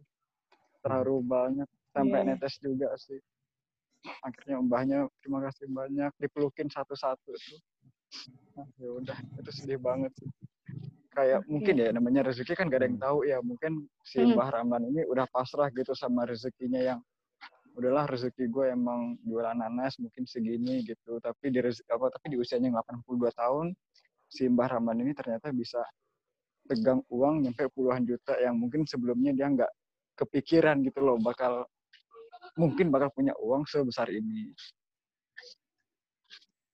gitu sih uh ternyata tanpa diduga-duga gitu masih banyak orang baik ya yang wow yang ternyata di luar ekspektasi kita gitu banyak banget oke okay. terima kasih untuk orang-orang baik di luar sana yang dari minimarket. Hai. Kok di spill ya? Tuh, tadi pakai kentang, sekarang pakai domba, bunga-bunga. Gak ngerti lah sama anak ini. Iya, maaf Eh, ya. tolong ya, kita tuh lagi suasana haru. Jangan ubah suasana ini. Ya, maaf, maaf. Perusak momen. Ya, ganti kentang aja ya. coba Mas Mas Ivan coba coba ditanyakan dia kita buat nangis ya. Mungkin kamu kan kelihatan kocak banget nih. Pernah nggak kamu hmm. nangis? Nangis. Kalau ketemu sosok-sosok. Mm -mm. um, Terus donasi paling tinggi tuh untuk sosok hmm, yang mana? Apa? Uh -huh. Kalau nangis sih kayaknya belum sampai nangis sih karena ya belum aja gitu. Nah, kalau terharu sering, terharu sering gitu. Tapi karena berhubung gimana ya? Dulu nih waktu Depok masih awal-awal kan saya yang jalanin ya. Ibaratnya kayak ikut survei juga gitu. Bahkan sampai sekarang pun masih kadang suka bantu ikut survei. Hmm. nah uh, di sini banyak banget uh, kayak cerita-cerita sebelumnya kayak yang Solia yang ternyata tidak tepat atau bahkan menipu gitu yang membuat uh, saya sendiri jadi nggak judgmental gitu. Ibaratnya kayak ya oke okay, dia uh, dari laporan orang-orang kasihan gitu. Tapi kita harus sampai lihat sampai ke dalamnya dulu baru kita berasa bahwa ini tuh kasihan. Gitu sampai sampai kayak gitunya gitu segitunya. Kayak gitu. Um, kalau untuk nangis sih enggak sih. Nggak sampai terseduh-seduh lah karena kalau nangis uh, saya jelek lah. Itu malah jadi menghilangkan harunya yang sedang terlaksana pas lagi ngeliat Solia gitu. Jadi ya udahlah kayak gitu karena memang banyak wibawanya Reja. Apa? Pencitraan kalau kata orang sekarang. Menghilangkan wibawa lu ya, aja ya. Ini aja udah nggak ada, gimana sih? gitu. Ibaratnya seperti itu. Oke. Waktu itu sedikit sharing ya. Uh, waktu itu juga gue pernah lewat Depok kan. Terus udah gitu, salah satu mall terbesar lah di Depok yang deket jembatan penyeberangan gitu. Terus uh, ada salah satu uh, kakek kita sebutnya ya dia jualan gitu. Jualan celengan celengan betul sekali celengan tanah liat gitu. Terus udah gitu kayak wah kasihan. Gue kan pengen mengapresiasi gitu ya. Karena sepi banget hmm. dagangannya. Gue baru uh, ngedeketin nih kan. Terus gue baru nanya uh, pak uh, celengannya berapa? Gitu. Terus udah gitu dia kasih tahu harganya. Terus bapak sering di sini jualan. Terus dia dengan kerendahan hatinya menjawab, oh, iya Neng, terus kemarin juga ada yang ngasih donasi ke saya, Neng mau ngasih donasi juga. Wow, gitu gue kayak, oh gitu. Maksudnya kayak, wah kok, ya gue takut salah ngomong nih. ya berarti kayak maksudnya Enggak. berharap gitu, terlalu berharap untuk dibantu. Sebenarnya gitu ngerti sih ngerti ngerti, ngerti sih kalau dari saya sih ngerti karena waktu itu ada kejadian sempat uh, uh, kenapa dia kayak gitu uh, dulu ada acara TV yang apa ya kayak sebelas dua belas sama ketimbang ngemis gitu okay. tapi uh, ada drama-dramanya di dalamnya kayak gitu hmm. jadi sebenarnya bapak ini uh, namanya kebetulan sama bapak Hadi juga ini sebenarnya baik orangnya gitu nggak hmm. mengharapkan apa pun gitu yeah. namun kemarin kurang lebih mungkin eh, Esther datangnya kebetulan pas setelah acara itu sih. Mungkin Karena jadi. setelah jadi acaranya itu ini ceritanya nggak apa-apa ya. Kita iya. nggak ya. nggak nyebut ininya ya. Nggak apa-apa. Nggak sebut channelnya nggak sebut acaranya. Nah jadi acaranya itu uh, ada drama-dramanya lah di dalamnya. Jadi hmm. dia ada kamera tersembunyi, dia datang, terus mencoba merusuhkan suasana di sana gitu let's say dia coba coba mau beli celengan kemudian celengannya dibanting oke okay. cahin kayak gitu gitu dan end of the eh, pokoknya setelahnya akhirnya ya barulah dikasih tahu gitu dikasih uang kayak gitu nah makanya itu mungkin dia nembak kayak gitu duluan gitu oh. takutnya dikerjain kayak gitu, oh. gitu. soalnya sempet ketemu sama saya juga terus nanya mas iya mas kemarin ada yang coba donasi ke saya cuman caranya kayak begitu gitu Hmm. Dia kayak gitu. Hmm. Mungkin yeah. kata dia agak salah gitu, makanya dia kayak agak ragu-ragu, jadi apa-apa langsung ditanyain kayak gitu. Hmm, oke okay, oke okay, oke. Okay. Iya sih, gue juga gue juga baru tahu. Jadi ternyata sebenarnya bapaknya masih semangat ya, cuman ada cerita di balik hmm. itu ya, kenapa bapaknya kayak gitu. Hmm. Soalnya bapak itu sendiri sebenarnya bukan asli Depok. Bukan asli Depok. Bukan, dia asli Purwakarta, naik bis ke sini gitu. Oh. Oke oke oke. Jauh kan lumayan tuh kalau naik bis sekitar 6 jam lebih lah buat iya, ditempuh gitu. Kalau dia nggak semangat ngapain dia bolak-balik ke sini gitu betul, sih. Betul, betul, betul. Nah, kalau untuk donasi terbesar sih pernah ada uh, namanya kita nyebutnya Bapak Moza. Hmm. Um, itu donasi yang masuk sekitar 70 juta lebih gitu. Okay. Itu waktu itu kita buka di uh, kita bisa waktu itu. Um, itu barengan sih kolaborasi jatuhnya sama anak um, mahasiswa lah waktu itu. Uh, 70 juta itu dalam waktu berapa hari ya? Kayaknya sekitar tiga hari, empat hari lah. Hmm. Waktu itu memang lagi apa ya viral-viralnya bapak itu bapak penjual tisu waktu itu. Jadi dia dulu pemulung, uh, pemulung yang biasa di daerah Margonda Depok. Terus kemudian dia itu um, dimodalin ibaratnya gitu sama seorang netizen untuk jualan tisu kayak gitu. Nah, kebetulan waktu dia lagi jual tisu ada yang berbaik hati juga gitu karena si bapak ini lagi terkena penyakit kayak bell palsy, kayak stroke tapi sebelah doang gitu. Jadi ibaratnya uh, stroke-nya di muka tapi di sebelah kanan doang gitu. Uh, ya kurang lebih gitu sih. Nah makanya itu uh, banyak banget sih kaget sih awalnya teman-teman di netizen yang viral sampai gitu sampai mau bantuin banget. Terus bukan itu aja jadi ada beberapa di daerah Depok kayak dokter spesialis untuk stroke itu ikut bantu gitu ibaratnya. Dan itu ngebuat kayak speechless lah kayak wah ternyata banyak orang-orang yang peduli gitu. Tapi ya gitu memang kebanyakan emang harus disadarkan lah gitu dengan PR dengan PR lagi maksudnya dengan media gitu. Kayak gitu sih. Tapi kalau untuk sampai nangis nangis enggak sih. Cuman terharu sih. Terus ngebuat kita jadi kalau dari pribadi sih membuat gue jadi semangat gitu. Karena um, kalau dari pengalaman pribadi sih ya gue merasakan hal yang sama gitu susahan kayak gitu ber, hmm. dibantu orang gitu nah saatnya kalau dari gue pribadi sih kita personal, saatnya kita membantu orang juga. Gitu sih. Kenapa? Kok gini ini? Udah. Hey. Kau sepi. Kalian sedih ya? kalau aku sih waktu itu pengalaman pertama juga survei, pertama kali juga ekse kan ya. Jadi itu sosok mulianya ini penjual pisang gitu, usianya tuh udah sekitar 80-an lah, udah tua banget gitu kan. Dengan kondisi yang fisik tuh emang udah, udah tua gimana sih kan ya, bungkuk banget.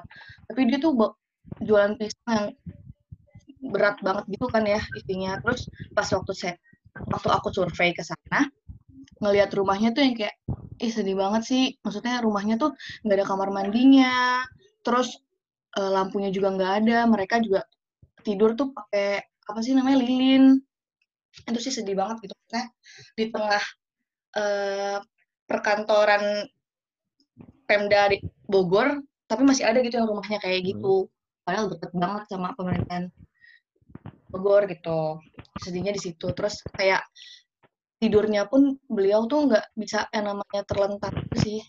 Jadi tidurnya tuh bungkuk, jadi tidurnya duduk. Istrinya juga sama, lagi sakit juga, udah tua kayak gitu. Itu paling bikin sedih sih maksudnya ke dalam hati. Sedih banget gitu. Kalinya aku survei dan ekse. Terus mereka itu kalau misalkan mau ke kamar mandi pun harus turun ke bawah, ke apa namanya, ke kali gitu. Padahal kan udah tua ya mandi pun airnya itu disuplai dari tetangganya. Jadi mandinya di depan, bukan kamar mandinya pakai bak itu kan pakai ember gitu, ditaruhin air, mereka mandi di situ. Gitu. Kayaknya Dan kebetulan It, itu yang gue ikut juga ya, Bella? Ya? Iya, kalau nggak salah di Kesar yang sama itu. Iya, oke. Okay. Ya, itu. Ini nggak sih sedih kan? Tapi sekarang hmm. udah meninggal abahnya. Iya sih, waktu itu pas pas kita survei juga memang udah tua ya, maksudnya udah umur berapa sih 70-an ya, kalau nggak salah 70 atau 80 emang 70, udah 80-an lah. Iya benar-benar tua dan jalan pun udah ringkih. Yang gue sedih sih waktu itu rumahnya sih. Pas kita datang ke rumahnya tuh yeah. Iya. uh, rumah.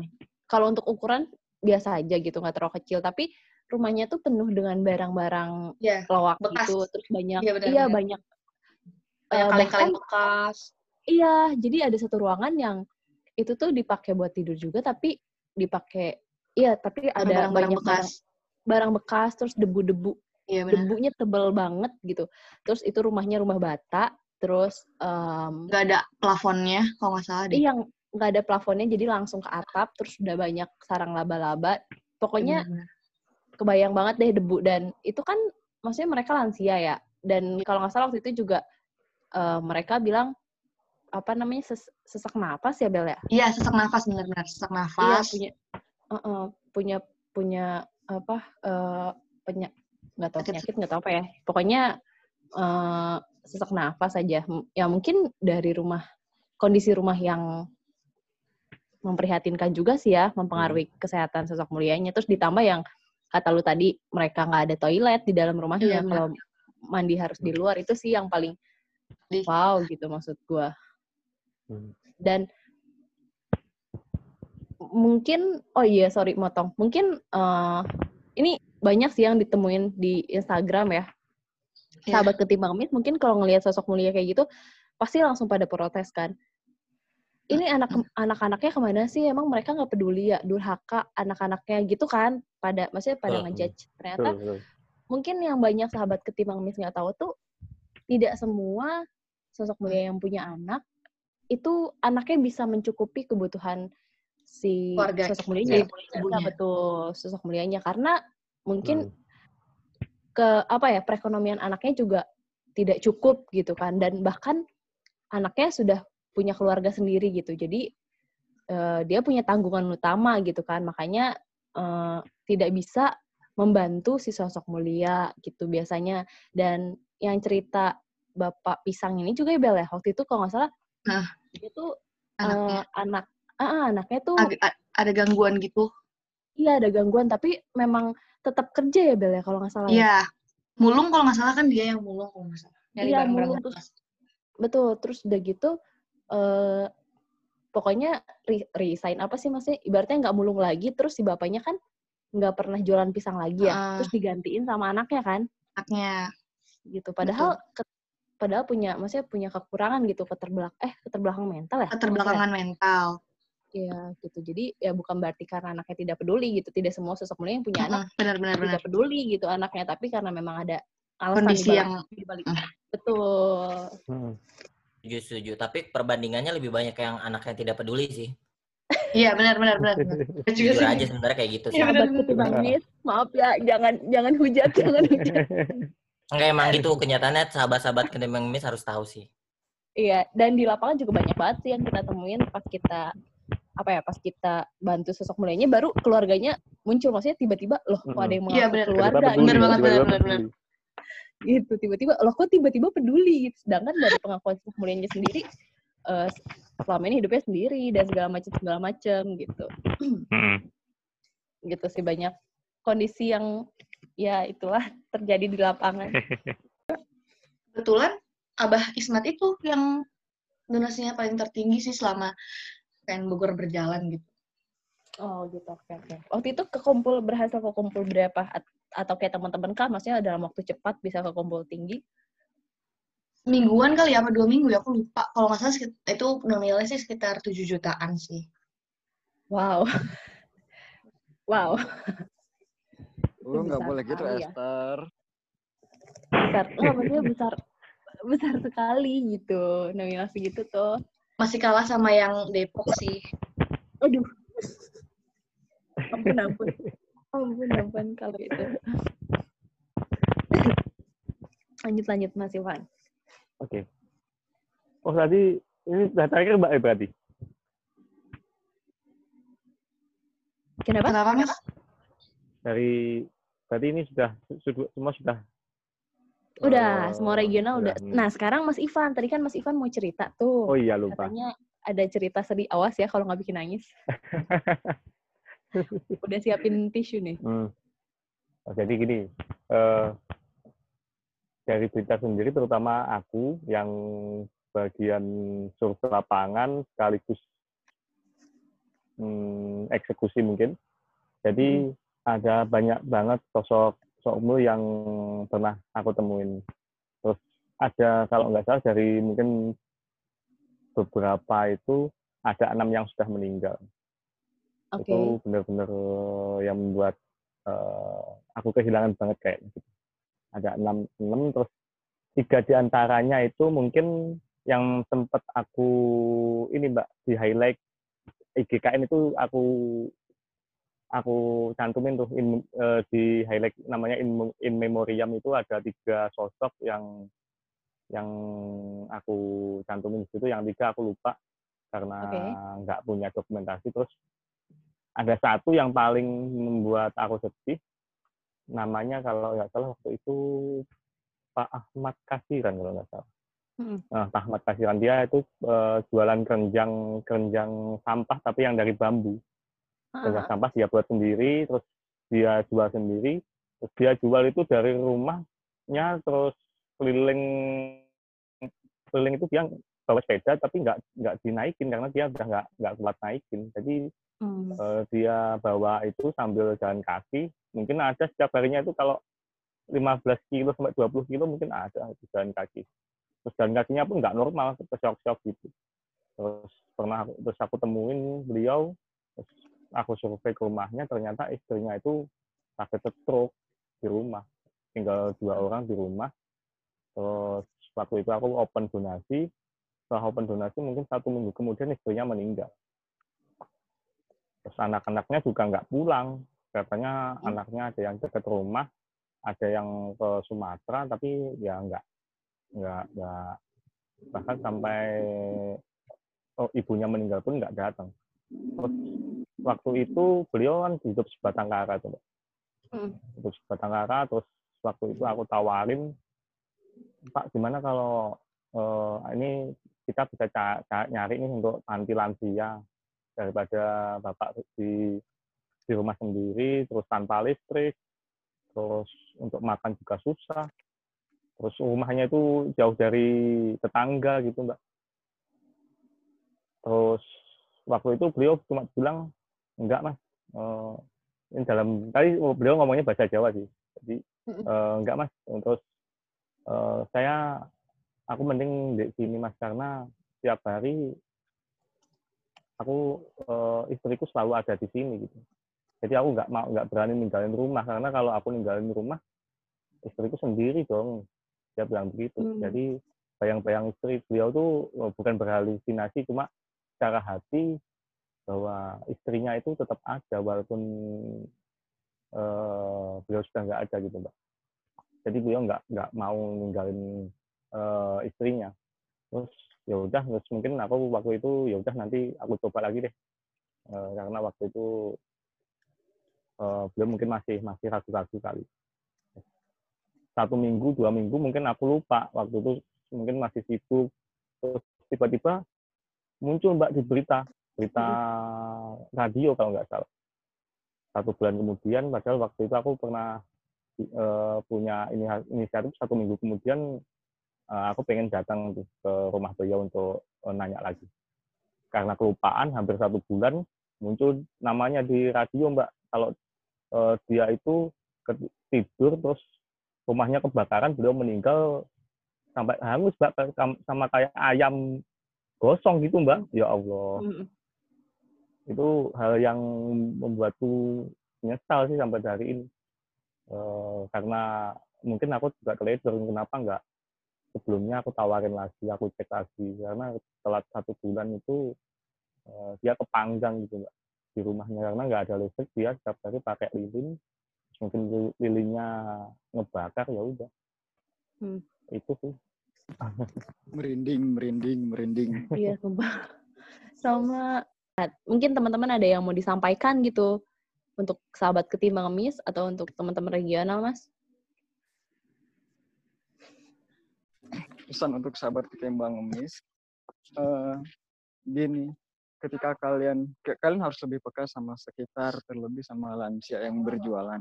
Ketika kalian malu untuk bertanya kalian bisa foto uh, sosok mulianya terus juga informasikan tempat di mana beliau berjualan atau biasa berjualan lalu bisa hmm. kirim ke Instagram ketimbang ngemis yang bersangkutan ketimbang ngemis regional gitu loh ketika kalian bertemu di Bekasi bisa tandai ketimbang ngemis Bekasi begitupun dengan regional yang lain.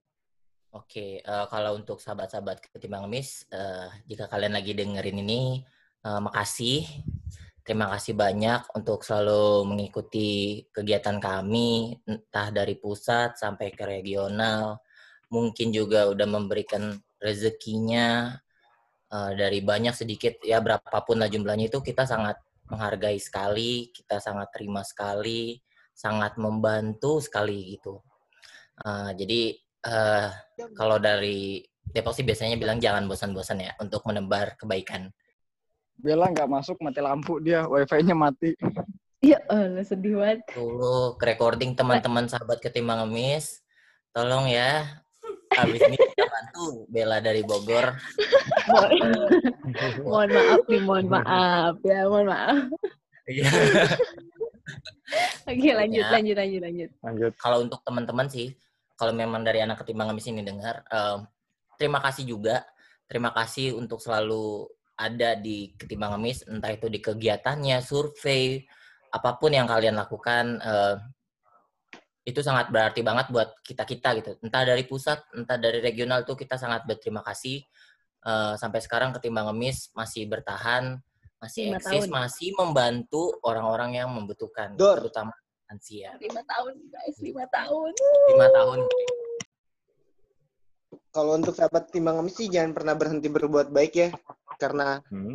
tanpa kalian juga kita tuh uh, ketimbang ngemis tuh bukan apa-apa gitu loh. Banyak info solia yang datang dari kalian semua, dari para sahabat timbang ngemis.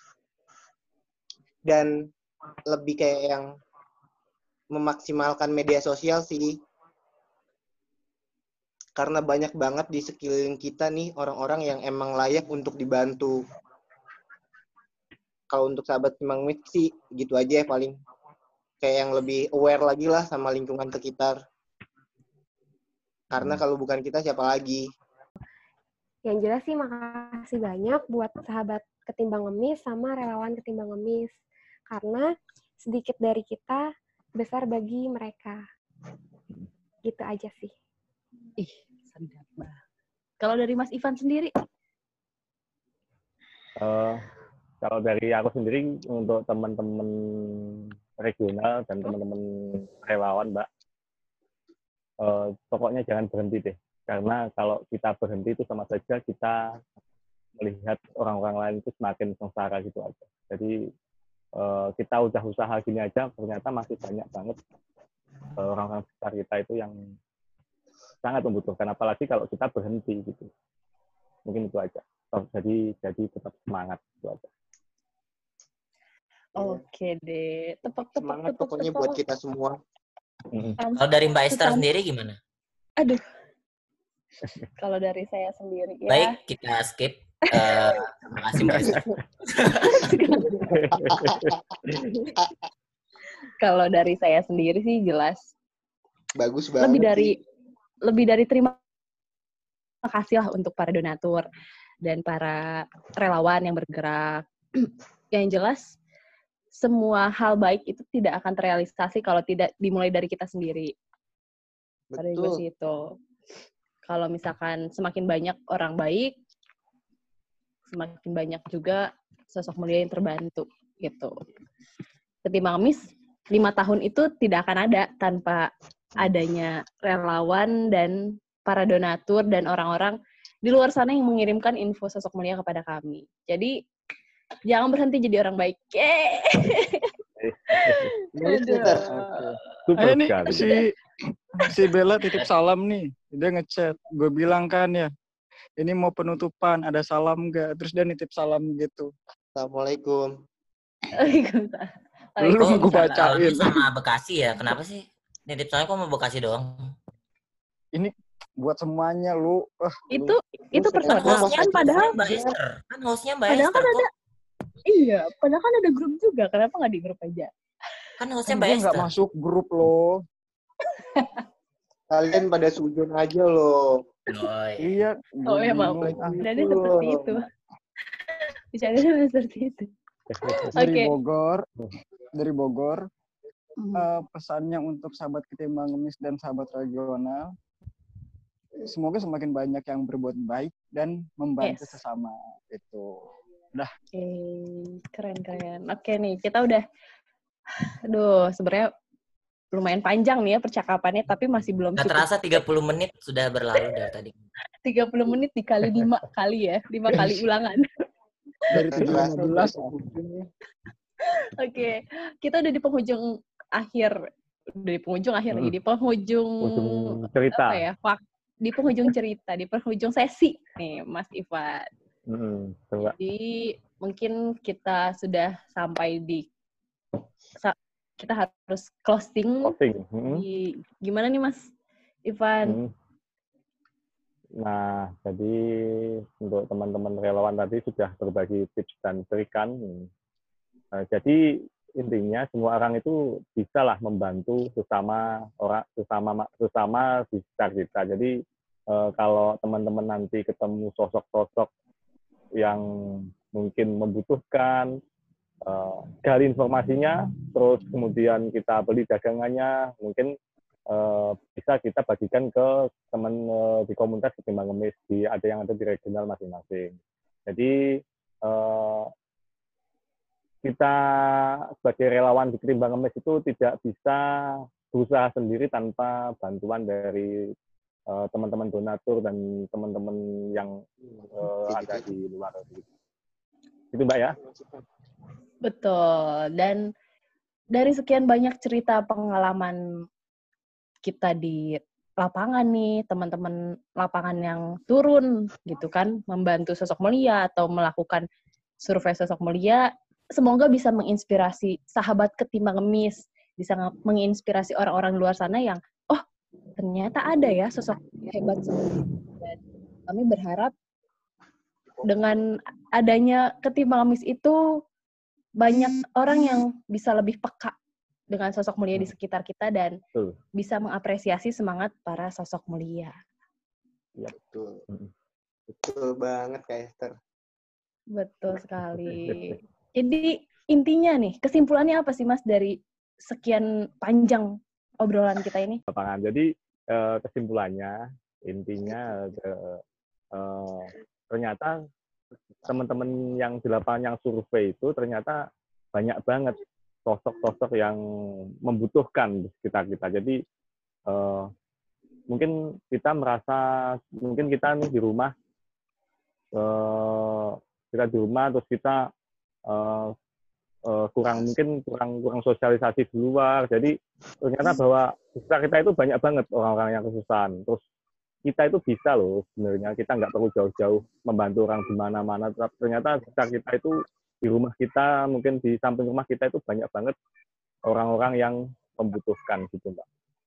Betul. Dan kamu bisa um, mengikuti cara ketimbang mis dengan memberi dengan membeli membeli. seperti itu. Yeay. Oke okay, nih mas paling simpel ya mbak Esther. Yes betul. Biar sebenarnya kita ada satu jargon lagi. Kenapa? Kita sebenarnya ada masih ada satu jargon lagi nih mas selain memberi dengan hmm. membeli nih. Nah biar lebih semangat kita coba bareng-bareng ya sekalian buat closing juga. Jadi nanti misalkan Mas Ivan Mas Ivan ngomong apa Mas? Saya bilang ketimbang ngemis nah nanti semua orang ngomong saya no tuh ngemis itu ya aja Yeay, ada Esther, sumpah ya, ya udah Saya serius banget dengerin ini. Pasti. Kenapa sih? gitu. Enggak, tapi beneran setiap podcast, ya Mas Ate, setiap podcast kita kayak gitu, biar maksudnya biar teman-teman relawan tetap semangat gitu dan bisa ketularan hmm. orang lain semangatnya gitu. Oke, betul, siap, betul. Siap. Ngapain malu ya? Siap. Ngapain malu? Semangat. Bukan malu, ini malu. Kan kelihatan mukanya, Mas. Kan Oke, okay, semangat. Enggak teriak-teriak juga. Gak, Riza, Riza kampret loh ngomong kayak gitu, tapi dia ketawa-ketawa di video. Nah deh orang lagi serius gini kok. Oke oke lanjut lanjut lanjut. Abis ini ketawa lagi nutupin mulutnya pakai baju. Lanjut Mas Ivan, ayo kita jargon okay. kita jargon. Satu dua tiga. Timbang mis. Say, Say no, no to ngemis. Say no to ngemis. Yeay.